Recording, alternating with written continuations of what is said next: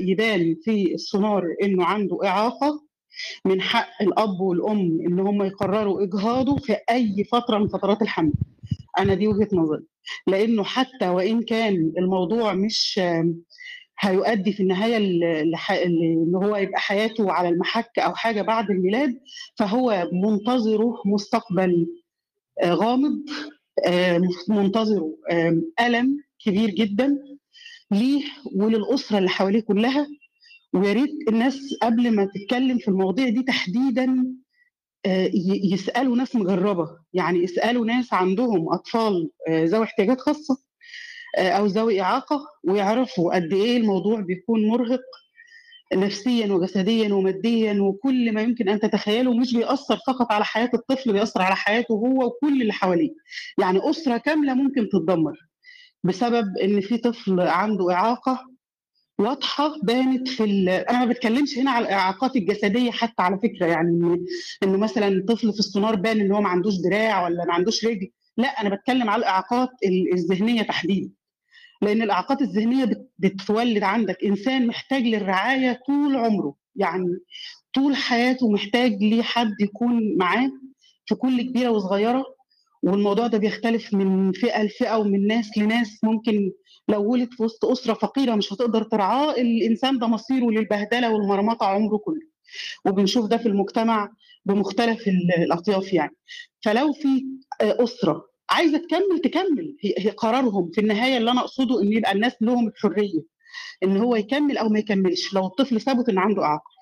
أما بالنسبة للحالات العادية اللي بيكون فيها الطفل ما عندوش إعاقة فالموضوع يرجع أنا شايفة من وجهة نظري كل حالة على حده يعني ما ينفعش إن إحنا نقول بالمطلق كده آه لأ أو بالمطلق آه لأ هو كل حالة لها وضع خاص. سريعا جدا هحكي لكم قصة صغيرة قوي حصلت لناس قريبين مني آه آه بنت وولد اتجوزوا وما عندهمش أي مشاكل لا مادية ولا نفسية ولا اجتماعية ولا أي حاجة خالص وكانوا ما كانش في بينهم اتفاق على إن هيبقى في أطفال ولا لأ. بعد الجواز بفترة قصيرة جدا هي البنت ما كانتش عايزه تحمل لكن حملت. الولد عاوز اللي هو الزوج يعني عاوز الحمل يستمر. هي مش عايزة الحمل يستمر عشان مخططة حاجات لمستقبلها وحياتها. في الحالة دي إيه اللي يحصل؟ يعني هم دلوقتي مش عارفين. هي عايزة تنزل الجنين شايفة من وجهة نظرها إنه هيعطلها عن مسيرة حياتها اللي هي مخططة لها وهو مش عايز الجنين ينزل عشان عاوز يبقى عنده طفل وعايز كذا. في الحالة دي هل إحنا كمجتمع نقعد نحكم ونقول ده هم لا ينزلوه أو ما ينزلوش لا ده قرارهم هم الاثنين هم الاثنين لازم يتفقوا على حاجة ويوصلوا لها الدين زي ما قلنا في الآية الكريمة ما فيش آية في القرآن الكريم ذكرت موضوع الجنين دي. يعني الآية اللي مذكورة عن قتل الأولاد موجودة بالنص ولا تقتلوا أولادكم. وقلنا كلمة ولد معناها اللي هو ظهر أو أو نزل الحياة بقى موجود في الدنيا. وبالتالي اللي لسه في في بطن الأم ده جزء من جسمها. هو أصلا جزء من جسم الأم. ما أصبحش لسه كائن متفرد بذاته بره جسمها يعني. ففي الحالة دي كل حالة بتقاس على حاجة ما عندناش ثقافة الاهتمام بالأطفال بنخلف أطفال بلا هدف طفل واثنين وثلاثة وأربعة وبنكون ما عندناش أي حدود للموضوع ده. آه بيحصل. مش عارفين ومش مخططين لمستقبل الطفل اللي جاي ده وبنجيب عيال والعيال مالية الشوارع. حتى الناس في الأسر المتوسطة وكده أصبح الاهتمام بالأطفال يعني يكاد يكون منعدم بسبب الظروف الاقتصادية عند الناس وما زالت الناس بتخلف. أيوه ده بيحصل. هل ده صح؟ لا. هل ده هينهض بالمجتمع؟ لا. وبالتالي إن إحنا نقول للناس نوعيهم يعني إيه جواز؟ ويعني إيه خلفة؟ ويعني إيه مسؤولية؟ ويعني إيه تنظيم أسرة؟ ويعني إيه لازم يبقى كفاية عليك طفل أو اثنين طالما هو ده قدرتك؟ ده أولى بالاهتمام من إن إحنا نقعد نحارب آه ناس آه بتقول أنا عايز أعمل ابورشن عشان أنا مش قادر أتحمل مسؤولية الطفل أو بنت اغتصبت ومش قادرة تكمل فبنقول لها لا خليه معاكي وتحملي مسؤوليته غصب عن عينك العمر كله. بس ده اللي أنا كنت عايزة أقوله وشكرا جزيلا لك شكرا ليك يا دكتور حرية. إيه جاي لك يا إم ثانية واحدة بس عشان عايز أقول حاجة. بعد إذنك يا مصطفى علي ما تطلعش حد عشان أنا قفلت ال raise hand. تمام؟ فما ينفعش وأنا قافل ال raise hand أنت تطلع حد.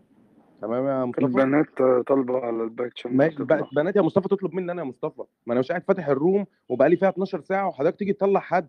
يعني مع احترامي للبنات جزمة البنات فوق دماغي يا مصطفى. بس أنا ما حدش يجي ينظر عليا وأنت تطلع حد وأنا تعبان. اسألني. تمام. على مين؟ اسألني يا مصطفى. الروم ولا اللي دخلت فيها وكان زياد اللي فاتح الروم. إيه المشكلة؟ مش فاهم. يعني إيه؟ هو زياد موجود؟ لما زياد موجود يا مصطفى بقى اعمل معاه كده. لكن أنا اللي موجود دلوقتي. دي المشكلة. وفي مشكلة يعني إيه؟ حصلت قبل سمعتني يا مصطفى اسمعني بعد اذنك في مشكلة حصلت قبل كده؟ تمام. البنات بيبعتوا على الباك تشانل يا مصطفى ماشي. ما فيش حد بعت لي وأنا قافل. يعني معنى اللي مصطفى اللي الريز عندي. مقفول إيه؟ معنى اللي الريز عندي مقفول إيه؟ اللي أنا بخلص الناس اللي موجودة على البانل عشان الروم محمد تقفل. أبو بكر يكمل. لو أنت مش هتقدر تكمل الروم محمد أبو بكر يكمل. محمد أبو بكر مش هيكمل. أنا لسه باعت له على الباك تشانل أهو محمد أبو بكر مش. هيكمل أهو أنا بقول لك. محت... أنا آسف اللي أنا أعمله ليك يا مصطفى يا ب- بهدوء بهدوء في إن بهدوء. هو مصطفى نزل ليه؟ طب أنا نزلته أنا نزلته يا طب ليه كده؟ ليه كده؟ يا عشان شباب؟ عشان أنا ما حدش أنا. حد. طلعوا طلعوا عشان مش شايف أيوه لا الموضوع مش مش الموضوع ماشي مش ما هو أنا باعت باعت لك يا باعت لك اللي أنا بقفل الروم عشان في ناس أنت ما أيوة قلتليش. يا أبو بكر يا أبو بكر. طب أيوه واحد واحدة واحدة واحدة واحدة والله الموضوع والله مش قصة. فاهم يعني أنت بتنزلني ليه؟ هو دور دور. وخلاص. هو دور وخلاص دور دور ما فرقتش. دور وخلاص ما ما فرقتش. يعني إيه دور وخلاص؟ أنا مش فاهم. لا يعني ال- القصة مش مستاهلة الموضوع ده كله أنا خلاص. هقول لك اللي حصل عمرو مشي وخلاني moderator مكانه. شكرا شكرا يا مصطفى علي اتخانق أنت مع عمرو بقى ما تتخانقش معايا. ماشي. ثانية واحدة يا أبو بكر. اتفضل يا ام أنت كان عندك سؤال لدكتور أحمد قوليه عشان أحمد أنور يتكلم. تمام.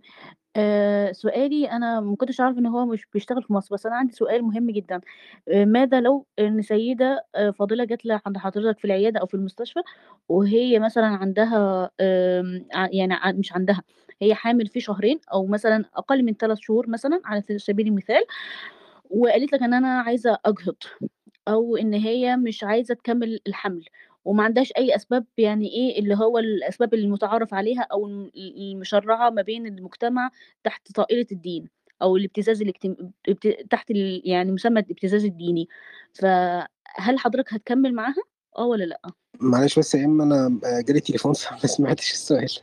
أنا عندي سؤال ماذا لو السيده تمام جات لك وهي حامل عندها شهرين آه مش عندها شهرين حم- حملها في شهرين مثلا وهي عايزة تك... آه، تتخلص من الحمل وهي موجودة على الأرض المصرية وبما إن حضرتك يعني بتشتغل في في مصر هل هتكمل معاها آه ولا لأ لا هرفض ده لو ما عندهاش سبب طبي يخليها يخلي الإجهاض ده داعي يعني طالما مفيش. داعي طبي هقول لها لا مش مشرع مفيش سبب طبي سبب طبي مفيش شرع يقول مفيش دي دي, دي, دي مش حاجة في الشرع تمام. مفيش مفيش سبب طبي يدعي يدعي آه، أو يسبب إن البيبي ده هي مش آه، عايزاه يحصل. هي مش عايزاه لأسباب. نفسية أسباب اجتماعية يعني آه، آه، قافلة عليها جامد جدا بكل بساطة تمام ده مش ملزم بالنسبة لي أنا كطبيب آه، أنا هرفض ده آه، وهقول لها حضرتك آه، من حقك تعملي الكلام ده مع أي حد أنا دوري كطبيب إن أنا آه، أعالجك لو آه، لا قدر الله ال- ال- المانوفر اللي أنت عملت الطريقة اللي أنت عملتيها دي لحدوث الإجهاض سواء مع دكتور تاني أو لوحدك أدت لحدوث نزيف جيتي لي ساعتها. أنا هلحقك وانت بتنزفي. وهلحقك وانت بتنزفي و up to. السيناريو ده طبعا حصل معايا up to طبعا ال- ال- الفكرة بي بي بيندرج تحت في نزيف نتيجة يعني بعد السقط يعني يعني السقط حصل. ففي نزيف ممكن خلاص ال baby خلاص نزل والست دخلت في نزيف فده خلاص إحنا بن بنعمل عملية عشان ل- نلحق الس- يعني ما تفضلش تنزف يعني. في نزيف تاني ممكن يحصل اللي هو آم، بدايات سقط. أنا لو جات لي في بدايات السقط دي أنا هديها مثبت حمل. بس هقول لها كده يعني مش هضحك عليها يعني. يعني مش هقول لها هديكي حاجة عشان نلحقك هو لأ هقول لها هديكي مثبت حمل حاجة تثبت الحمل حضرتك عايز تاخديها خديها مش عايز تاخديها ما تاخديهاش. ده حاجة من حقك يعني. تمام. ما شكرا. أنا بقول بذكر السؤال ده آه، مش عشان حضرتك يا دكتور أحمد أو بشكل شخصي أنا بتكلم بشكل عام علشان أنا آه، ساعدت سيدة آه، أظن في شهر خمسة أو شهر أربعة اللي فات إنها تجهض وراحت للدكتور بتاعها وقال لها و- ودخل لها في سكة الدين بدل ما يكون في طريق الطبي إن هو قال لها زي زي رد الدكتور بيكون رد بروفيشنال قال لها لأ الدين ودخل لها في الابتزاز الديني صراحة من الآخر.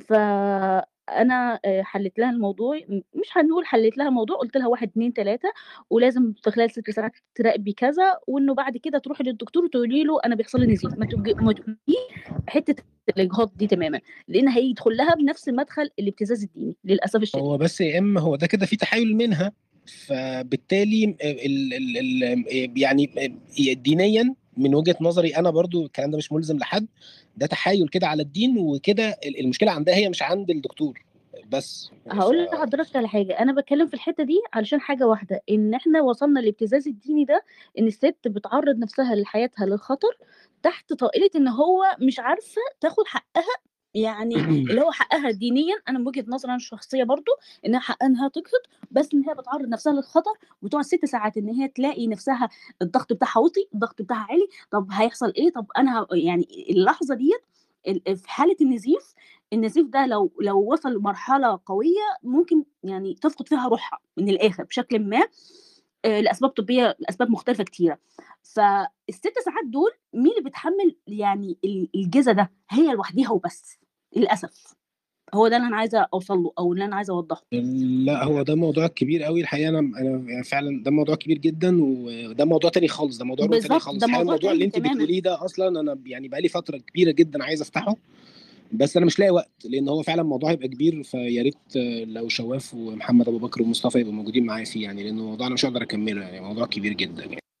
طيب ماشي يا دكتور. آه ناخد أحمد أنور. آه لما مؤاخذة يا أبو حميد بس طولنا عليك بس معلش. ولا يهمك يا شباب. أنا بس آه، زي ما بيقولوا أنا مش هاخد مداخلة طويلة قوي زي اللي قبل كده. أنا خير الكلام ما قل ودل آه، إحنا مش ستات آه، وهاخد جملة خالد الذكر يعني إحنا مالنا ومال الستات.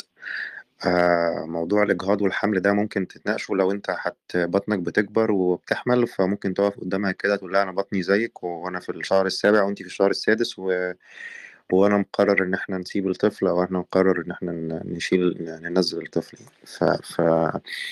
فأنا مش فاهم ال... ال... ال... مناخيرنا بتتحط في حتة مش بتاعتنا خالص يعني آه... آه، أنا شايف إنه الست لوحدها هي اللي محتاجة تقرر ده مش مفيش حد تاني شخص تاني إلا لو في الأب موجود فبيبقى ساعتها آه، علاقة مشتركة وساعتها ببقى شايف كمان إنه الست عندها البرسنتج أعلى شوية من الأب لأنه بحكم مجتمعاتنا الشرقية هي اللي بتربي وهي اللي بتشيل وهي اللي بتعمل حاجات كتيرة كده. فهي اللي بتشيل المسؤولية بنسبة ممكن تعدي 70 80% فمن حقها في حالة الإجهاض ممكن برضو تاخد نفس النسبة في القرار آه لكن إن إحنا نخش ونقول آه أصل أصل الاجهاض ده مش من حقك وأصل انت في حالات معينة ممكن تعملي دوت وفي شهور معينة ممكن تعملي دوت واللي بيقول الكلام ده راجل علشان هو شايف من بعيد إن هو ده المفروض يحصل سواء من العلم ولا من القانون ولا من الدين فده دي حالة من العبط يعني من وجهة نظري. آه لكن اللي إحنا ممكن نتكلم فيه ممكن نتكلم في عوار القانون اللي موجود في مصر إزاي بي بي بيعالج مشكلة زي دي وإزاي بيحط الست في في ركن كده يعني زي ما بيقولوا فلاح غشيم و- و- و- والله حقه دكتور أحمد ان هو يمشي يعني يعني أستاذ آه لا لا علي، في تحفظ على علي. الكلام. لا لا لا هو دكتور أحمد مشي بعد كلمة حاله من العبط. يعني يعني لما حد قاعد بعد معانا كام ساعة. أحمد علي يا أستاذ أحمد علي بعد إذنك معلش معلش عشان نمشي بال sequence. أنا آسف اللي أنا عملت لك mute معلش. اتفضل يا أنور كمل. آه، أنا شايف إنه كون الراجل يقرر هو بنفسه حق الست في إن هي تنزل الطفل اللي هي في بطنها أو تسيبه دي حالة من العبط بوجهة نظري.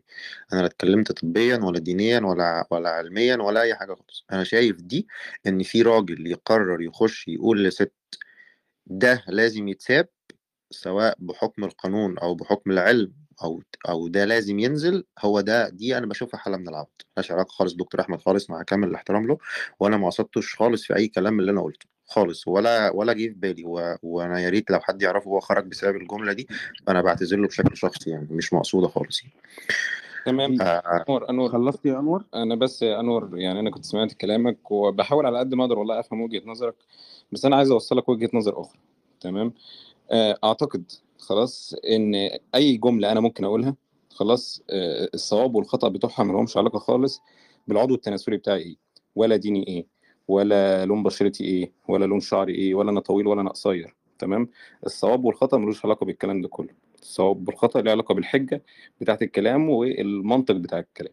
فمفيش حاجة اسمها مثلا إن الراجل يعني أنا مثلا هقول لك جملة دلوقتي هقول لك يا سيدي الإجهاض ده خطأ أخلاقي. تمام؟ ممكن الجملة دي تبقى صح ممكن الجملة دي تبقى خطأ. ملهاش علاقة خالص بإن أنا راجل ولا ست. إحنا في الآخر رجالة وستات آه، المجتمع متقسم لنصين.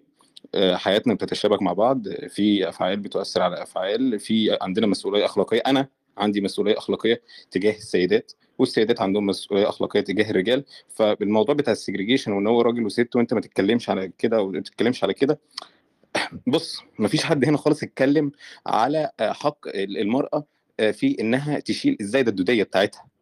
واخد بال حضرتك؟ ما حدش هنا اتكلم على حق المرأة في إنها تكبر صدرها. إحنا ما بنتكلمش في ده.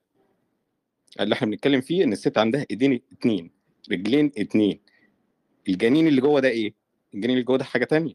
ده بني آدم تاني دي حياة أخرى. هل هي الحق في إنها تقتل الحياة الأخرى دي ولا لأ؟ تمام؟ آه، هي عايزة تشيل إزاي ده؟ براحتها.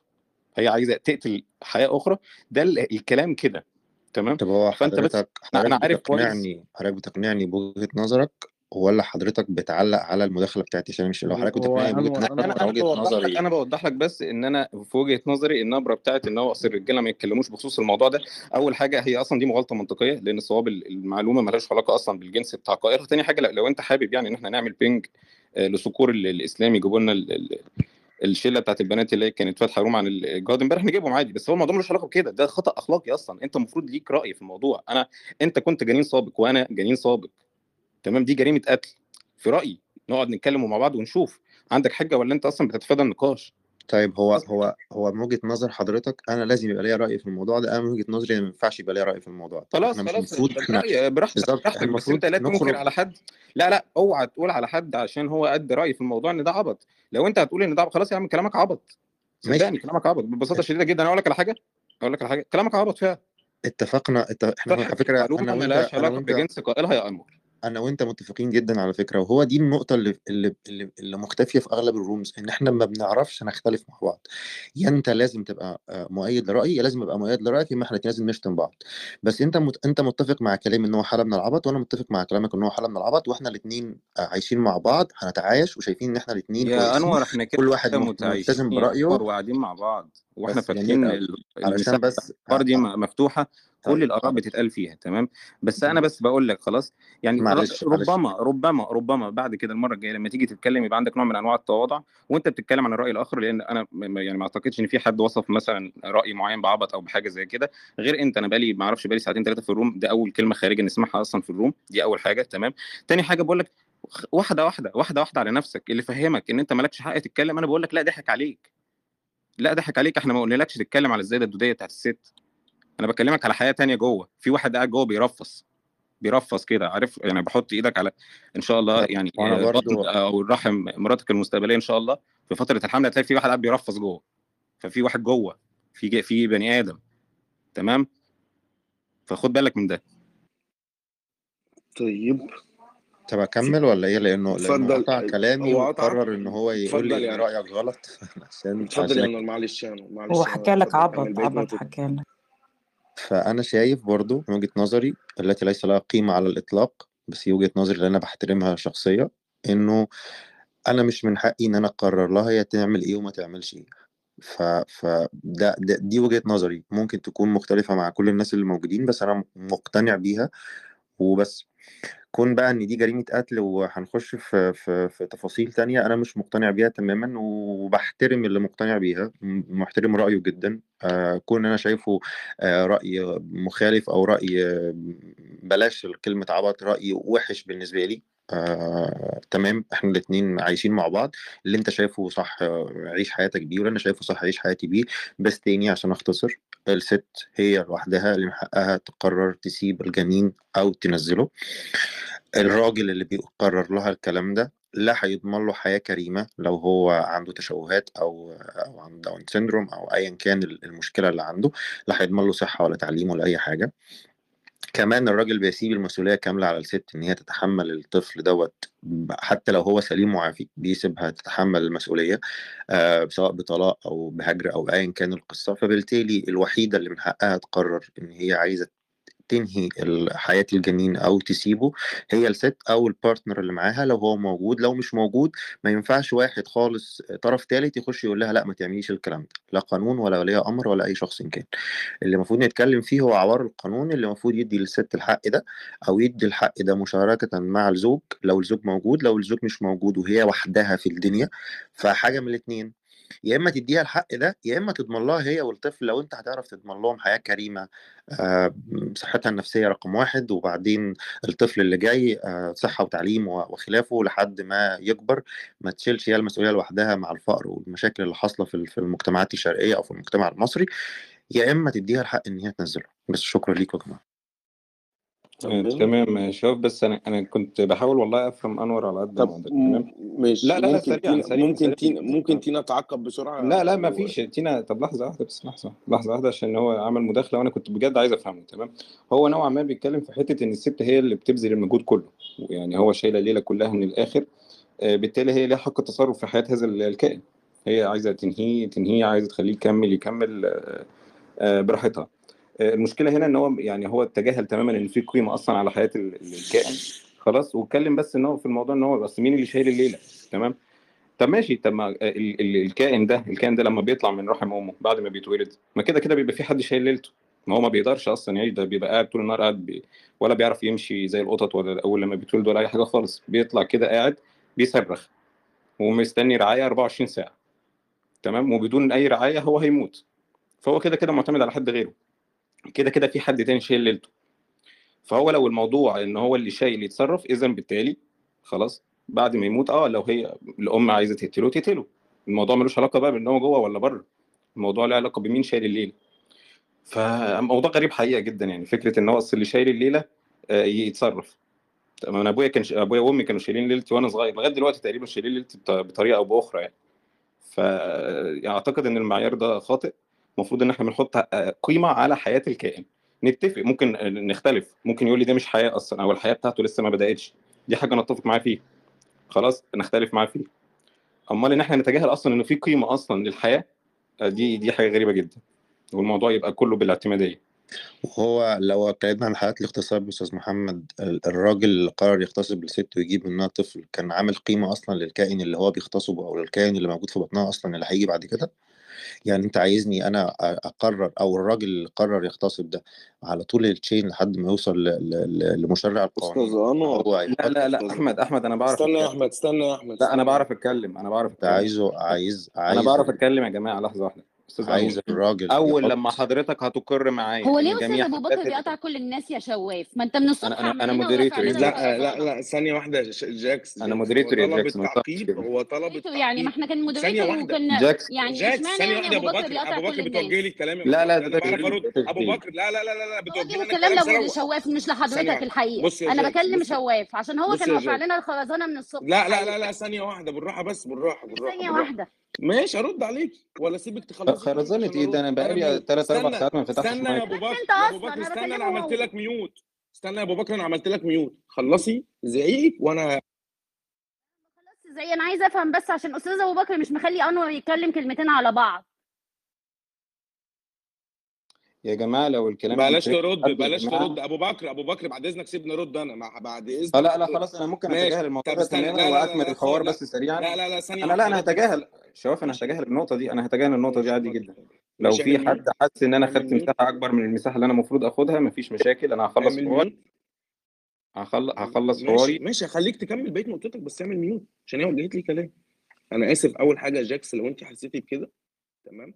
تاني حاجة لما كل اللي قبل أنور اتكلموا مفيش حد قاطعهم مفيش حد تبنى من وج... من وجهة نظر الآخر فكان بالتالي لما أبو بكر طلب الكلمة سبت الناس تتكلم قبليه وبديت الناس اللي من وجهة نظر التاني يتكلموا. بعد كده قلت له بعت له back channel قلت له الدور عليك.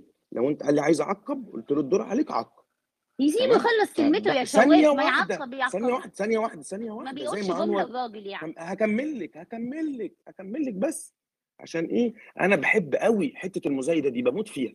اتعلمتها في, أمريكا والله.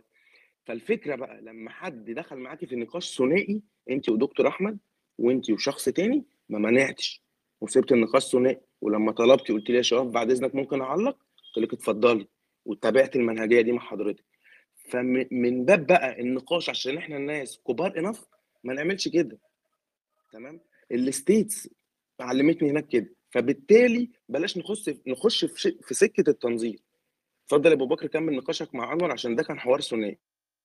آه، تمام. شكرا جدا ليك يا شباب. في النقطة كلها اللي أنا كنت عايز أقوله لأنور آه، إن أنا بحس نوعا ما إن في ناس أول لما بتحس إنها مزنوقة في حتة اللي هو على حياة الكائن ده أو إحنا بالظبط هنعرف عايزين نحدد إمتى بالظبط هو حي ولا مش حي يستاهل أصلا إن هو يبقى ليه قيمة ولا ما يستاهلش ليه قيمة بياخدك للاستثناءات. يقول لك طب لو الست هتموت أو لو الست دي تم اغتصابها.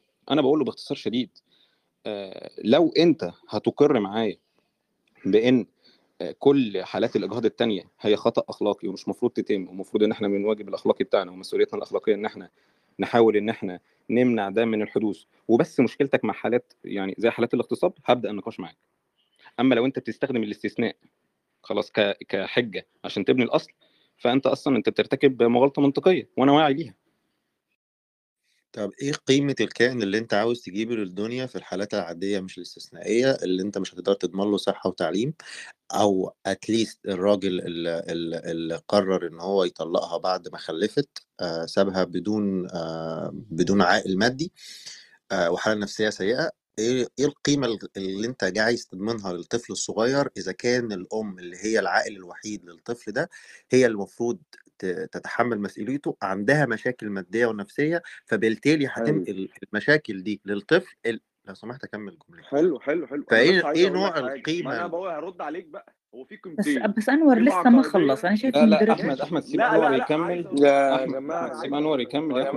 واحدة أحمد. كمل أحمد يا فتحت انور المايك ليه يا أنور؟ أحمد كمل ما تفتحش المايك الله يبارك لك. ما تفتحش المايك. خلاص بكر قشطة يخلصوا النقاش. الله يبارك لك بس. قشطة خلاص قشطة قشطة.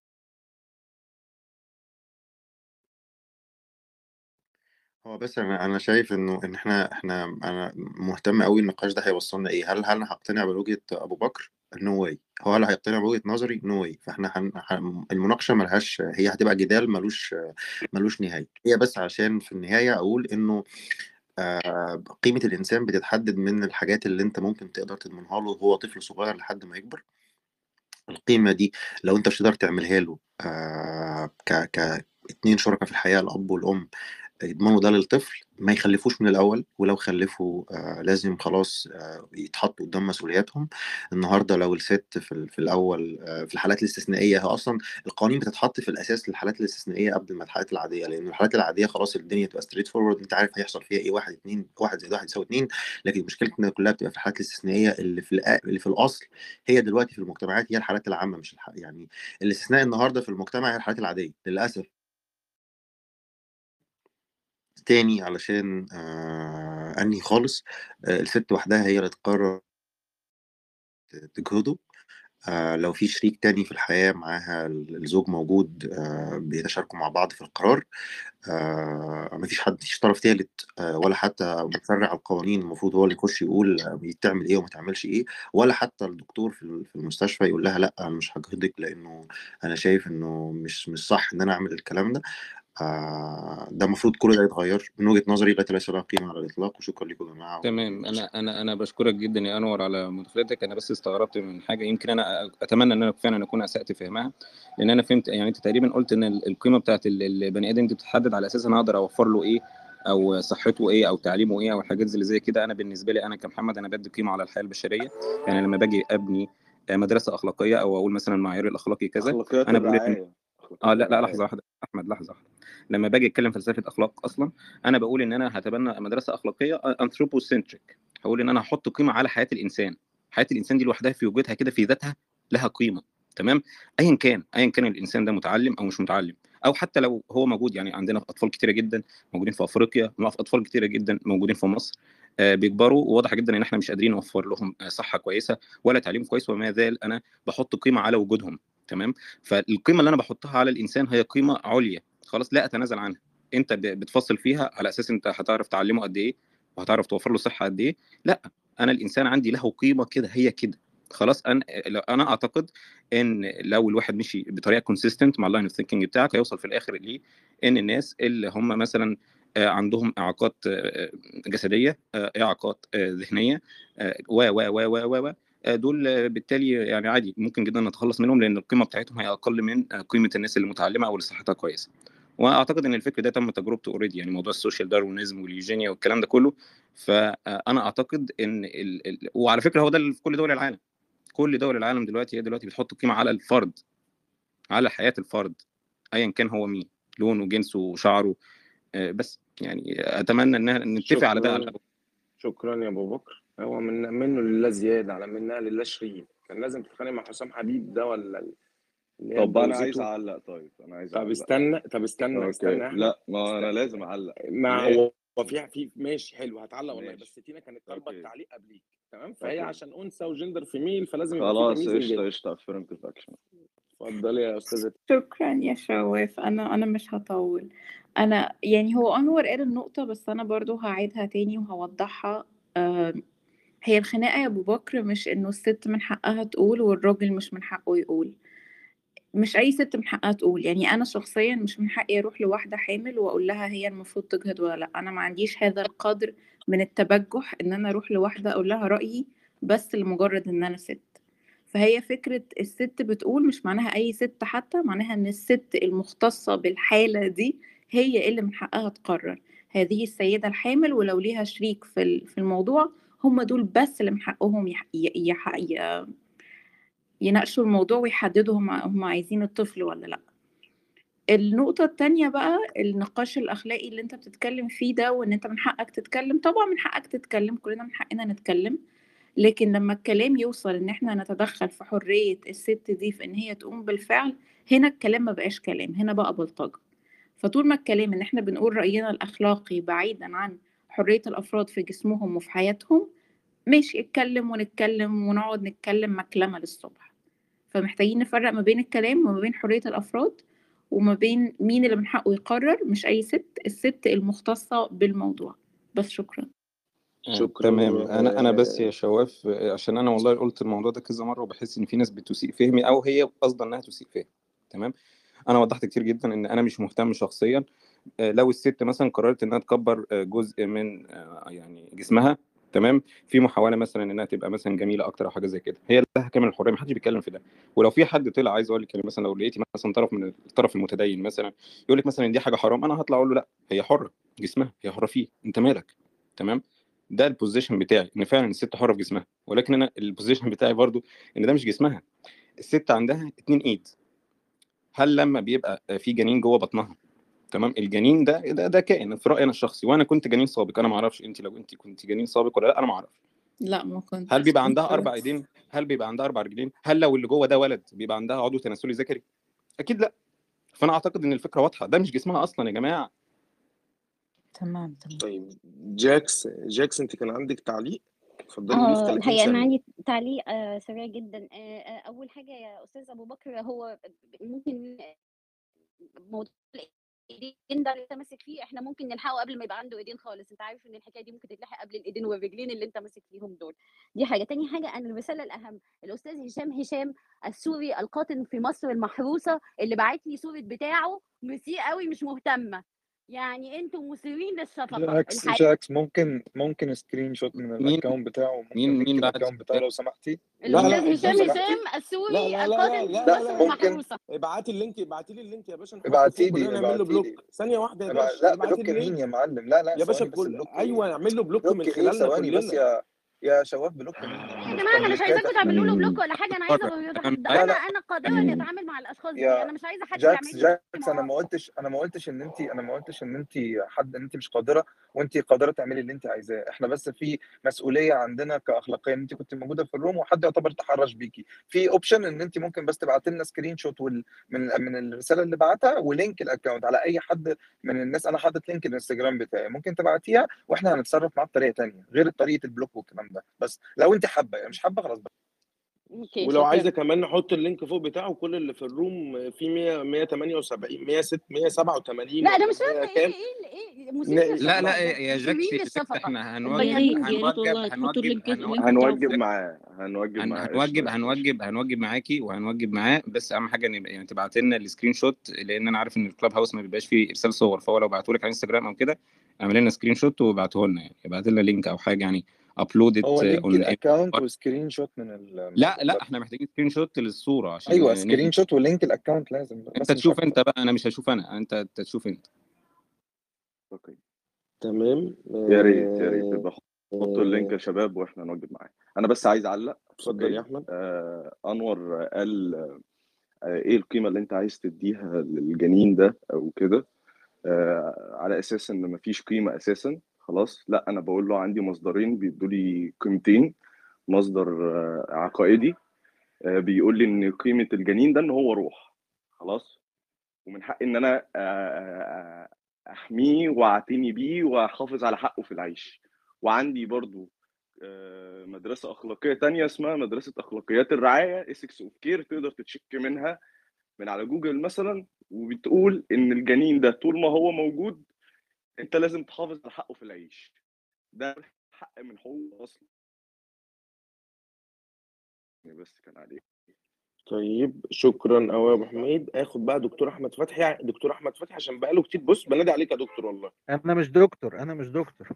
اتفضل يا أستاذ أحمد. معلش بقى عشان الروم كلها دكاترة النهارده فمعلش آه، آه، هو بس المشكلة الصغيرة اللي اللي كبرت إن التوبيك مش هو اللي إحنا بنتكلم فيه.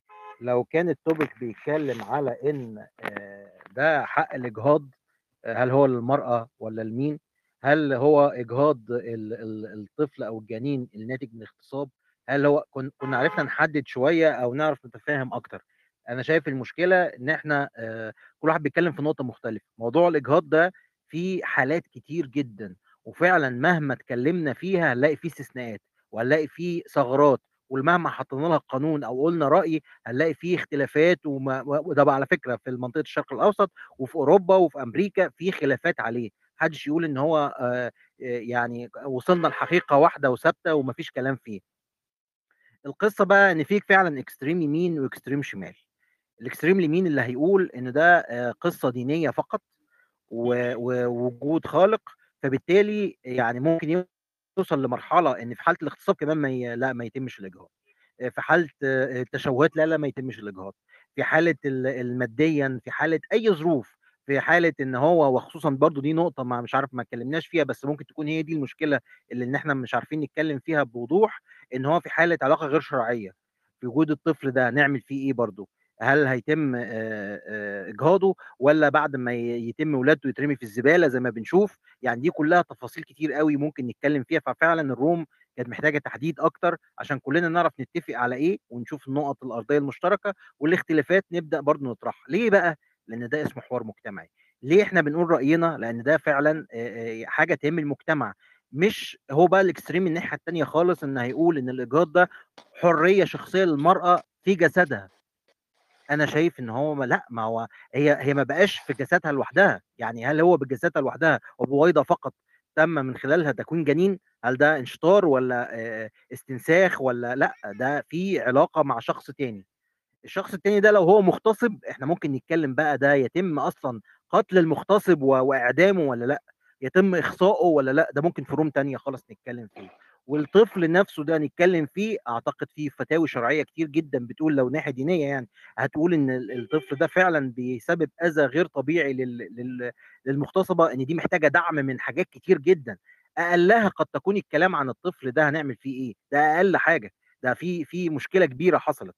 حصر بقى ال- الخناقة كلها على القصة إن هي في حالة الاغتصاب نعمل إيه؟ أنا شايف إن في فتاوى أصلا بتقول خلاص حتى اللي بيتكلم بمرجعيه دينية واكستريم كمان شايف إن هو ممكن يوصل لمرحلة إن لأ ده في أذية كبيرة جدا للمجتمع كله لل- إن الطفل ده من من حالة اغتصاب. وفي فتاوى كتير وده في مسلسل كامل اتعمل مش عارف كان اسمه ده رأي عام بتاع يسرا آه، كان في رمضان في التسعينات تقريبا أو في أوائل الألفينات كان بيتكلم على كده حالة اغتصاب وتم بعدها استصدار فت- فتوى بإن يتم إجهاض الطفل ده. أيوه قضيه النقطه راي عام أيوة. تمام الن- النقطة بس يعني هواجه بيها ال- الاكستريم برضو من الناحية التانية اللي هي هي حرة في جسدها آه، كلمة حرية في الجسد دي أو حرية في نفسي هل مثلا في حرية تعاطي مخدرات؟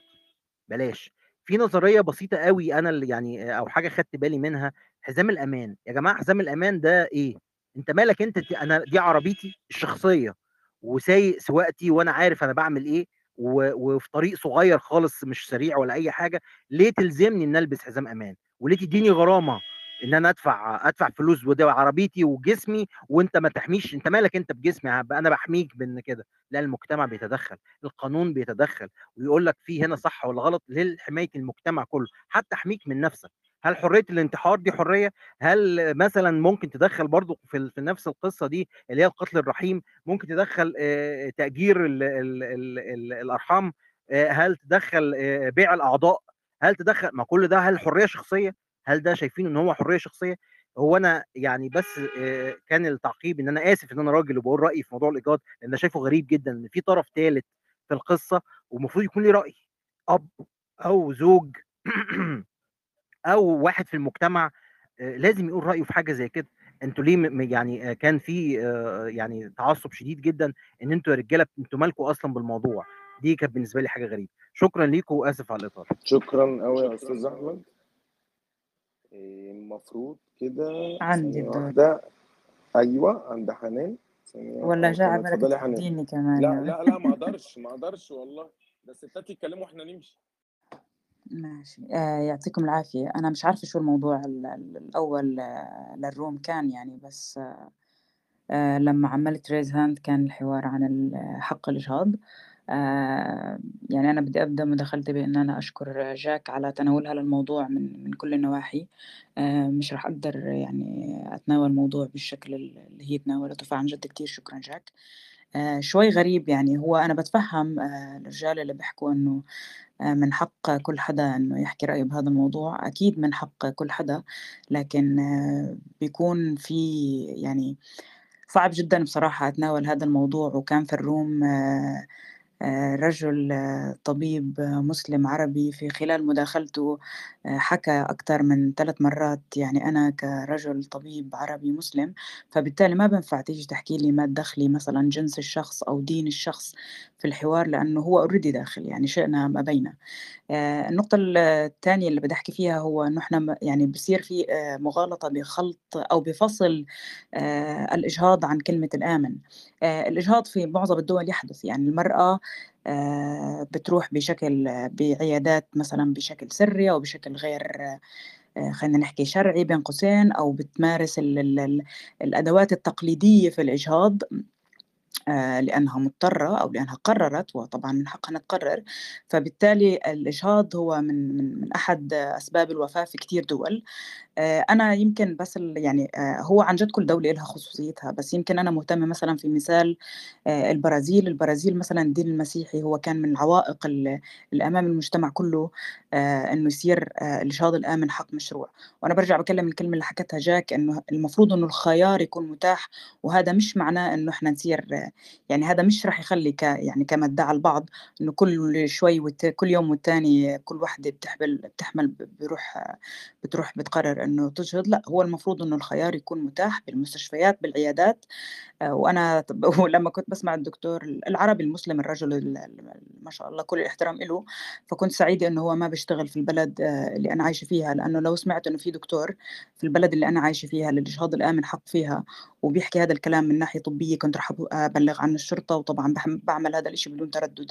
آه، هون بيجي ال- ال- الدين عن جد إشكالية حقيقية في في موضوع ممارسة مهنتك بشكل يعني مهني. آه، البرازيل ليش تطرقت لها لأنه البرازيل فيها تضخم سكاني. آه، يمكن مش بدرجة مصر بس حنحكي عن أكثر من 200 مليون. مصر بنحكي أكثر من 100 مليون وبالتالي الحديث عن الاجهاض الآمن هو حديث مشروع وبل مهم جدا يعني. آه، أنا شفت كتير فلسفات وكلام عن عن قيمة الحياة والحق في الحياة والكلام والكل أو مش الكل المعظم تجاهل آه، صحة المرأة. برجع بحكي إنه ال- الإجهاض أحد آه، أسباب وفاة النساء في كل دول العالم وبالتالي الإجهاض الآمن هو خيار لمصلحة صحة المرأة اولا وأخيرا. هلأ من ناحية مين بقرر ومين ما بقرر بظن إنه غيري آه، فسروا الموضوع بشكل بشكل كتير منيح. أنا يعني أنا من كمان بتفهم الرجال اللي شايفين إنه أكيد آه، من حقهم المشاركة بهذا النقاش آه، بس لا يعني لا أخفي استيائي بأنه هاي ال room آه، تم يعني يعني يعني كان على الأقل في ممكن يكون موازنة آه، بين النساء والرجال في ال moderation وكل كل حدا من ال moderators كرجل يعني يقاطع آه، مثلا واحدة بتحكي مع إنه آه، ال- ال- الأسلوب اللي بتحكي فيه أو الكلام اللي بتحكيه بالنسبة لي أو حتى الغضب يعني حتى الغضب مفهوم لأنه آه، أنا يعني مش مقبول يعني مش حاسة إنه الإشي مفهوم إنه يكون أربع رجال بيعملوا moderation ل room لها آه، ال abortion أو الإجهاض آه، عند النساء. هلأ موضوع الاغتصاب موضوع مهم. آه، في دول آه، صار فيها طبعا مثلا البرازيل بال 2004 آه، صار ال- الحق الإجهاض الآمن مسموح فقط في حالات آه، الاغتصاب واللي هو إذا كان يشكل خطر على صحة المرأة. هدول الحالتين فقط. آه، لكن استمرت المؤسسات الحقوقية ومؤسسات المجتمع المدني بالضغط لعدة سنوات. آه، لأنه آه، تخف ال- ال- القيود آه، على أو يعني الاشتراط ل يعني لأنه يكون للمرأة حق في الإجهاض الآمن لأنه ضل في ال- في البرازيل لل 2004 آه، إنه لازم إذن من الطبيب والسلطات المختصة ومش عارف شو. وطبعا موضوع الاغتصاب موضوع مهم لأنه ما حدا هون بيقدر يحكي لي إنه الدول العربية ما فيها اغتصاب.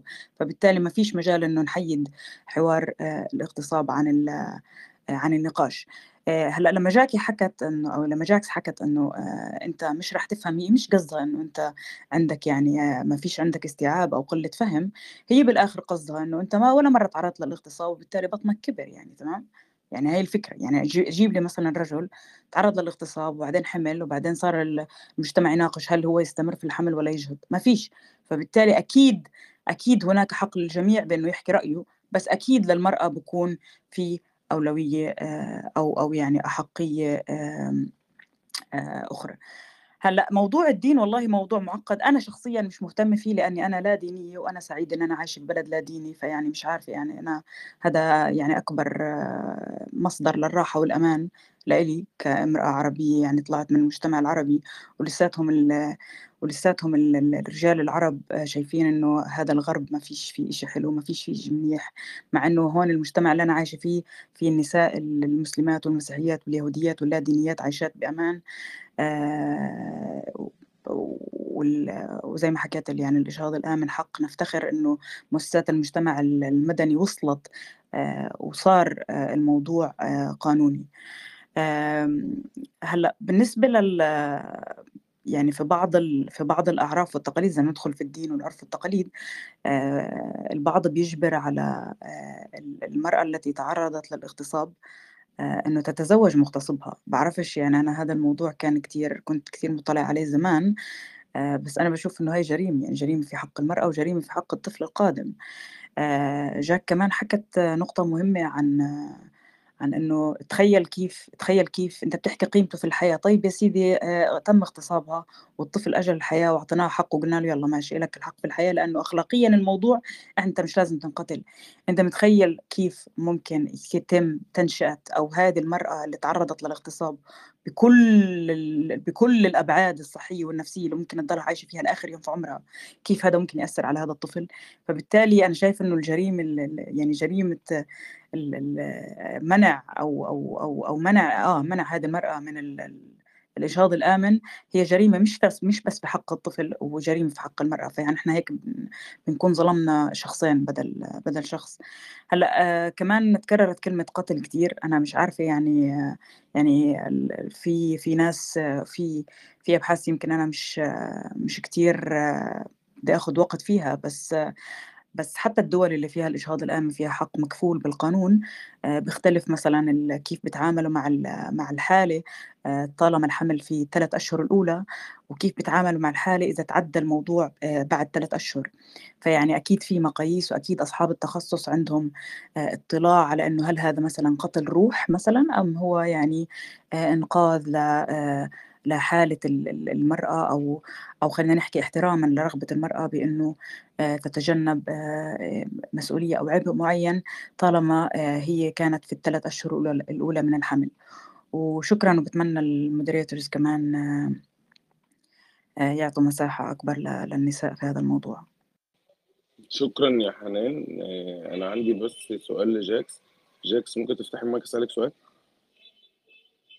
اتفضل هو لما حضرتك اتكلمتي في حد قطعك قبل الحوار الثنائي يعني مداخلتك اللي اتكلمتي فيها في حد قاطع حضرتك؟ لا لا كان في ناس بتقطع شكرا بس حضرتك شكرا كنت شكرا تتدخل يعني. شكرا شكرا ما أنا شكرا. بديك ال credit أهو بقول حضرتك كنت تتدخل تمام أنا اديتك تمام. credit أنت زعلان جميل. لا لا لا شكرا. آه، أستاذة تينا. أستاذة تينا؟ إيه شواف أنتوا زي العسل أنت عايزني أقول بعد إذن حضرتك. لا لا لا خالص. لا أنا عايزك تقولي يعني تقولي اللي أنت حاساه بدون أي إحساس من أي حتة. هو حضرتك دلوقتي لما كنت بتتكلمي وبتطلبي تعقبي في مداخلتك في حد قاطع حضرتك؟ آه، في الأول خالص بس بعد كده الدنيا ظبطت. أنت في الأول ظبطت خالص في الأول خالص في الأول خالص دي حاجة ولما ال room كبرت وحطينا rules الدنيا ما كانت ماشية إزاي. في مس... في مساحة والإقصاء لأي عنصر أو gender female في ال room؟ لا ما فيش. شكرا. دكتور حورية؟ لا الحقيقة يا أيوه سألت السؤال. بشكل مختلف. أنا لما دخلت ال room دي كان في دو... آه، أستاذة جيهان أنا وكانت بقى ما بتخلصش جملتين على بعض الحقيقة. إيه، فآه ما هو هي لما أنا لما ما أنا كنت بره لما أنا كنت بره بالظبط أنا جيت بقى يعني تمام. آه. ايا كان ايا كان. شواف بس خليك منصف شوية مع والله الاختلاف ثانية واحدة. من فراغ. ماشي يعني ثانية بس واحدة عشان ثانية ماشي جميل أستاذة جيهان موجودة واسألها نفس السؤال وشوف إجابتها هتبقى لا لا لا. هجيلها هجيلها واسألها واسأل كل ال- ال gender ال female. تمام؟ أنا ما أعرفش حنان راحت فين بس. فلو في حاجة حنان نزلت؟ طب ده قمع بقى على فكرة. حنان خرجت تقريبا خرجت تقريبا حنان. خلاص طب أنا يا هبعت دكتور لها حوريه بس. هو هو هو عموما بس اسمعني يا شباب اسمعني بس. هو القصة كلها في إن المفروض إن الصوت الأعلى يبقى للستات يعني. فندم. أقصد إن هم يبقى لهم المساحة الأكبر بس مش أكتر. معلش لكن طبعا اسلام حق الناس ان تتكلم اللي عايز يتكلم يتكلم لكن الصوت ال- الأكتر أو المساحة الأكبر تت... ت- يعني ياخدها الناس اللي هم أصحاب المشكلة. جميل. لا جميل ومتفق على ده. ولما في ولد بيطلب تعقيب وبنت بتطلب تعقيب بديل البنت ما بدوش للولد عشان هم صحاب صحاب المشكلة. طب يا بس أنا شواف أنا بديها بس ثانية واحدة أبو بكر كان عايز يقول لي حاجة. لا لا لا ثانية واحدة ثانية واحدة يا إسلام ثانية واحدة بعد إذنك. ف... فمش من باب العدل اللي في ست تطلع تقول قدام آه، 150 بني آدم اللي الروم فيها كذا وكذا وكذا. وتقريبا إحنا معانا في الرومز ناس بتدعم النسوية وعارفين قوانين النسوية كلها. يطلعوا يقولوا كده والناس اللي بيدعموا النسوية دي ما تفتحش المايك ترد عليها. ولو دكتور جيهان حد اتعرض لها أنا نزلته واتأسفت لها بدل المره اتنين. ده في أول ال rooms خالص. بعد كده أنا اختفيت شوية ورجعت. وهم كانوا بيتناقشوا ويحتدوا على بعض. ولما حد شتم أنا نزلته. فمن باب التنظير يعني ما بحبوش عشان أنا بعرف أنظر كويس جدا وبعرف لا لا لا مش تنظير يا شباب بس ثانية واحدة يا جاكس لا لا مش ودخلت من مش مش منك يا جاكس في حاجات خلاص حصلت وانت بره يعني. لا ماشي وأنا بره وأنا أنا ما هو أنا لما جيت وحنان لما لما كنت أنا موجود لما أنا ما كنتش موجود ما كانتش هي موجودة عشان اللي مطلعها أو حد من اللي مطلعها وأنا موجود. فبلاش نخش السكة دي عشان السكة دي قضاياها يعني خسرانة. شكرا. إيه... مين اللي كان عليه هو الدور؟ المفروض اسلام أستاذ- بس أنا ما أعرفش إسلام اسلام أنت ست ولا راجل ولا إيه؟ لا إسلام طب. ممكن راجل. ممكن هي دي تمييز ممكن نعمل تمييز إيجابي تفتحي لنون المايك لو سمحتي لا حضرتك تفتحي حضرتك تفتحي المايك في في أي وقت أنا بس عندي لا لا أنا ما أقصدش والله. أنا عايزه الناس أستأذن؟ إسلام. لا لا أنا عايزه ال... أستأذن إسلام بس. عايزه فيش أستأذن إسلام إن إحنا نعمل تمييز. تسلم يا إسلام شكرا ليك. نعمل بس تم... نستأذنه من غير ما نستأذن إسلام تمييز إيجابي طبعا لنون. اتفضلي يا نون. ماشي شكرا.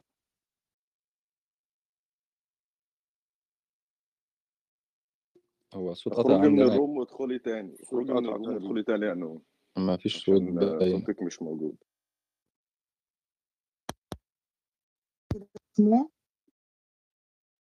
آه آه سامعينك اتفضل. طيب آه، اللي هيخش على ال link اللي فوق ده لو عنده أي أخلاقيات أو مشاعر أو أمومة أو أيا كان فعلا هيتأذى يعني. العدد وهو بيزيد شيء آه، فعلا مؤذي يعني. أنا اتضايقت وأنا عمالة أتفرج على العدد اللي بيزيد.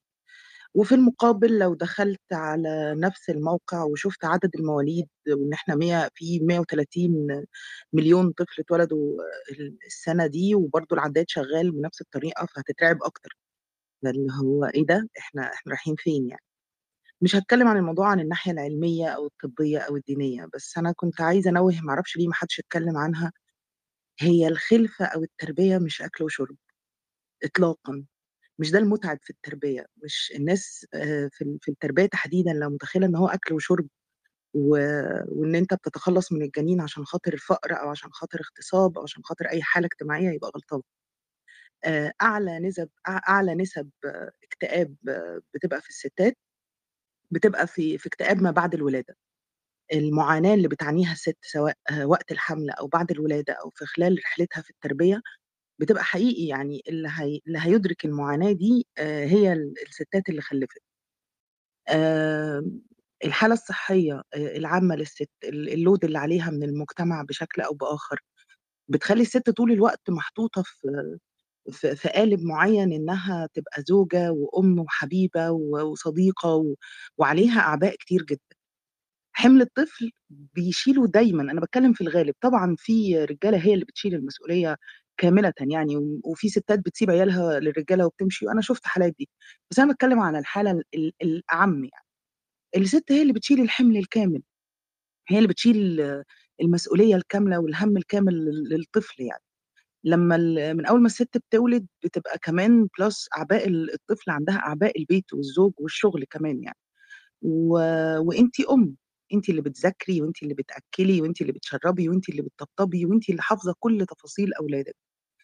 فالتربية مش مش إن أنا هأكّل طفل وأشرّبه و وأغيّر له pampers لأ، أنت أنت طول الوقت في صراع مع نَفْسك وفي شخص أنت عايز تطلّعه سَوِي قدر المستطاع عشان خاطر يبقى إنسان مُنتِج أو مفيد بشكل أو بآخر للمجتمع، مش مجرّد بنخلِّف آآ وخلاص يعني.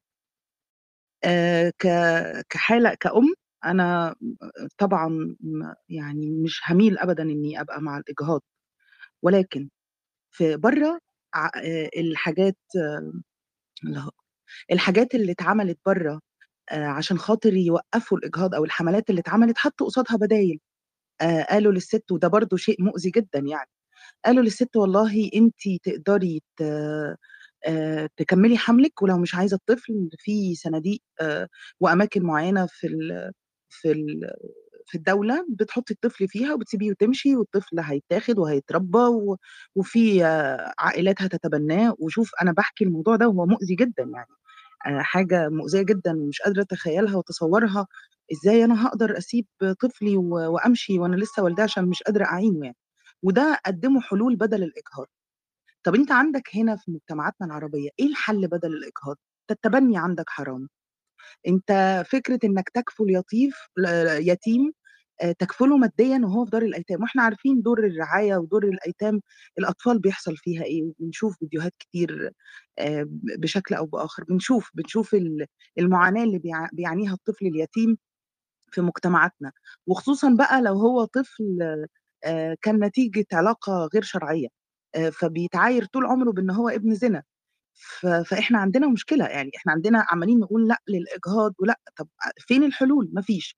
حتى في الفترة الأخيرة موضة آآ احتضان الأطفال آآ كانت ح الحقيقة برضه كانت غير ناجحة إطلاقًا، إنّك تحتضن طفل في بيتك، لإن إحنا شُفنا آخر حالة كانت صاحبة دور الرعاية، طفلة صغيّرة، وأنا إلى الآن لمّا ب لمّا باتكلّم عن الموضوع ده فعلًا بابقى عايزة أبكي وب وبابقى متضايقة جدًا نفسيًا ومتأزمة جدًا نفسيًا، طفلة صغيّرة تم احتضانها من قِبل أسرة ما بتخلّفش وهي لسه بعُمر أشهر أو أيام.